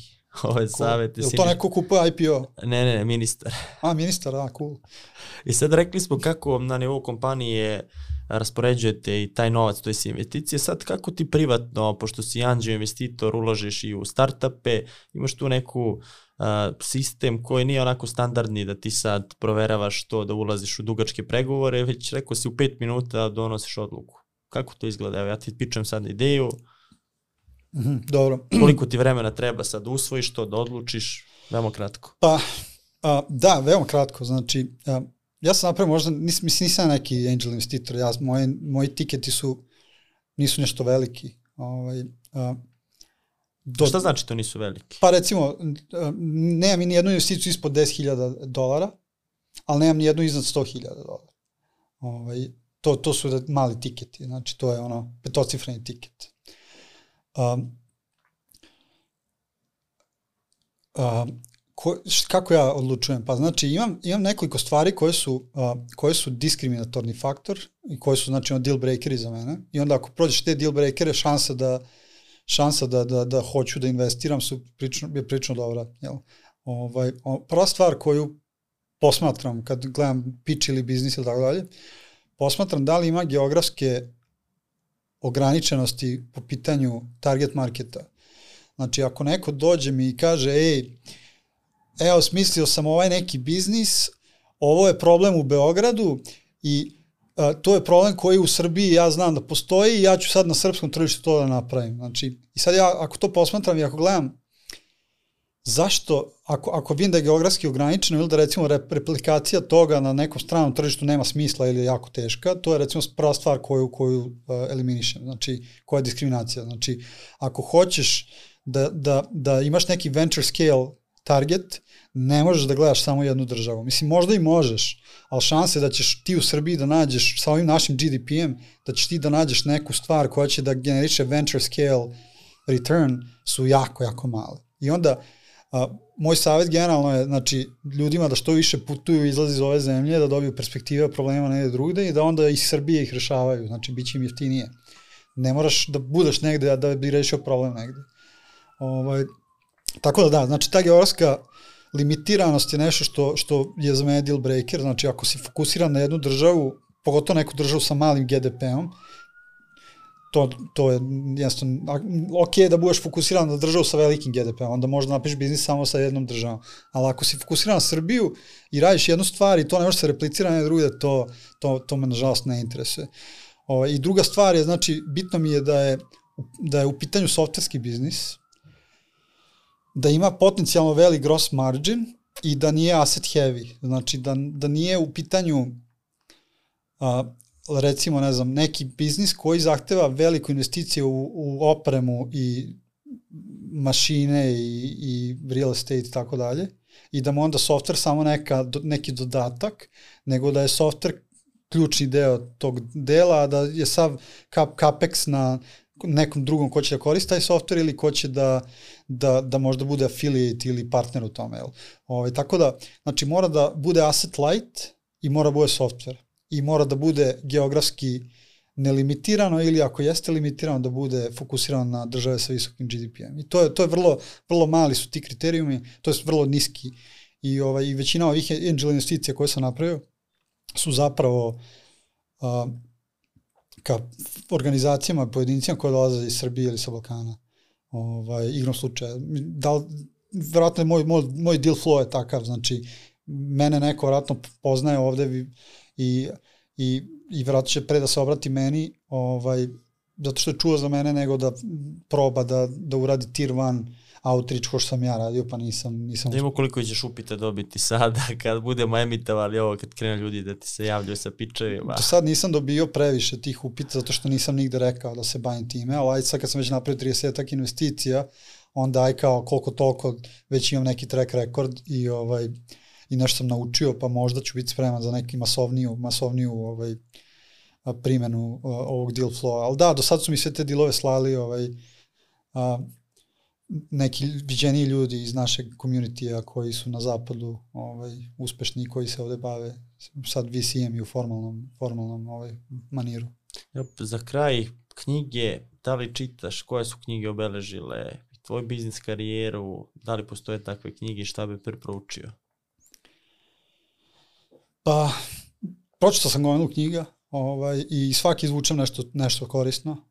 Kad sam počeo da čitam knjige o profesionalnom razvoju, onda sam naravno bio taj procent korisnosti mnogo veći. Sad kako prolazi vreme, korisnosti sve mnogo manje. Ali trudim se, čitam sve što izađe, bukvalno. Ne bi nik, ne, neku, niku posebnu knjigu izdvojio. Ono što je recimo na mene na ličnom nivou imala knjiga najveći uticaj, ono najveći lip gde se napravio bila Rich Dad, Poor Dad. To je knjiga koju sam, koja napravila najveći ono jednokratni uticaj na mene, ali ima mnoga drugih knjiga koje su, koje su mi pomogle i kažem svaku knjigu koju pročitam, a trudim se da pročitam sve, sve što izađe iz profesionalnog developmenta, sve ti daju bar neki procenat korisnosti. Ovaj. i, i, i mislim da ljudi treba da čitaju, ali mislim da je daleko bitnije od čitanja da, da izađeš iz okvira ove države, da provedeš neko značajnije vreme napolju. Znači ne da odeš, da budeš turista negde 5 dana i da piješ, brljaviš, drogiraš se i vratiš se tu i onda kao ispričaš ono kakvu si ribu napadao i ne znam šta, nego ono da odeš negde i da provedeš dosta vremena, da prošeš svoje probleme, da ovaj da da jednostavno imaš neko iskustvo života negde, da moraš da u banku, da moraš da platiš račun, da moraš da kupiš namirnice. To, to su stvari koje su daleko, daleko vrednije od knjiga. Ove, ali kombinacija je bitnija. Znači, ako, I to nije samo za softverski biznis, to je za svaki biznis. Znači, svaka država ima neko kreativno rešenje za neki specifičan problem koji je lokalnog karaktera i te različite perspektive su ono što mi hoćemo da stvorimo kroz diversity u firmi. Jel? I ovaj, ako već ne možemo svi da putujemo, bar možemo da skupimo na jedno mesto 300 ljudi koji su bili na 300 mesta. Jel? I, ovaj, I to je ono što daje value. Tako da, moja preporuka, izađite iz ove države, couch surfujte, uh, pogotovo u ranim 20-ima, znači nemojte da sedite kući, nemojte da navlačite zavese, idite u nepoznato, u sekundi ćete upoznati gomilu ljudi svuda. Ovaj, to daje mnogo, mnogo veći value nego čitanje knjiga u zatvorenom stanu. Nenade, odlična poruka za, za kraj. Nije te bilo dugo i morali smo ovo da pređemo dva sata, da pokrimo sve teme. Hvala ti što si bio gost Biznis priča. Hvala tebi, Vlado, i hvala celoj ekipi što ste me ugostili. A mi se vidimo u Novom Sadu 5. i 6. na najvećoj biznis konferenciji.